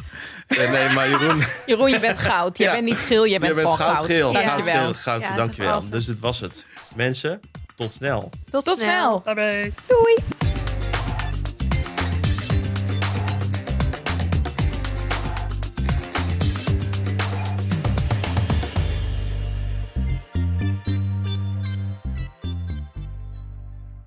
En dan voor de luisteraar die zich nog afvraagt... Wat waren die quizvragen die ik heb gemist? Die Dat Sander waren- allemaal goed had. Die Sander allebei goed had, waardoor hij de eerste versie van de quiz won. De eerste kwam van Mark, of in ieder geval de suggestie was van Mark... om een rekenvraag met galjoenen en knoeten te doen. Iemand heeft 204 sikkels en 493 knoeten. Hoeveel galjoenen zijn dat? En de tweede vraag. Hoeveel zwerkbalwedstrijden speelt Harry in de boeken? Dan kan je nu die podcast op pauze zetten. Even nadenken hierover. En dan ga ik nu de antwoorden geven. 204 sikkels en 493 knoeten zijn 13 galjoenen. En Harry speelt in totaal 9 zwerkbalwedstrijden. 2 in het eerste jaar, 1 in het derde jaar, 3 in het derde jaar. Wacht, 1 in het tweede jaar, 3 in het derde jaar. 0 in het vierde jaar, 1 in het vijfde jaar en 2 in het zesde jaar. Deze had ik overigens goed. Ja, ja. Dat is wel goed, Goed om te doen. gegokt. Oh ja, was niet genoeg. Het is niet genoeg. gewoon twee keer tweede geworden. Die shit. Dankjewel voor het luisteren. En als je deze allebei goed had en je wilt het laten weten, dan kan het natuurlijk op Altijd. vriendvandeshow.nl. Zes vierkante ogen.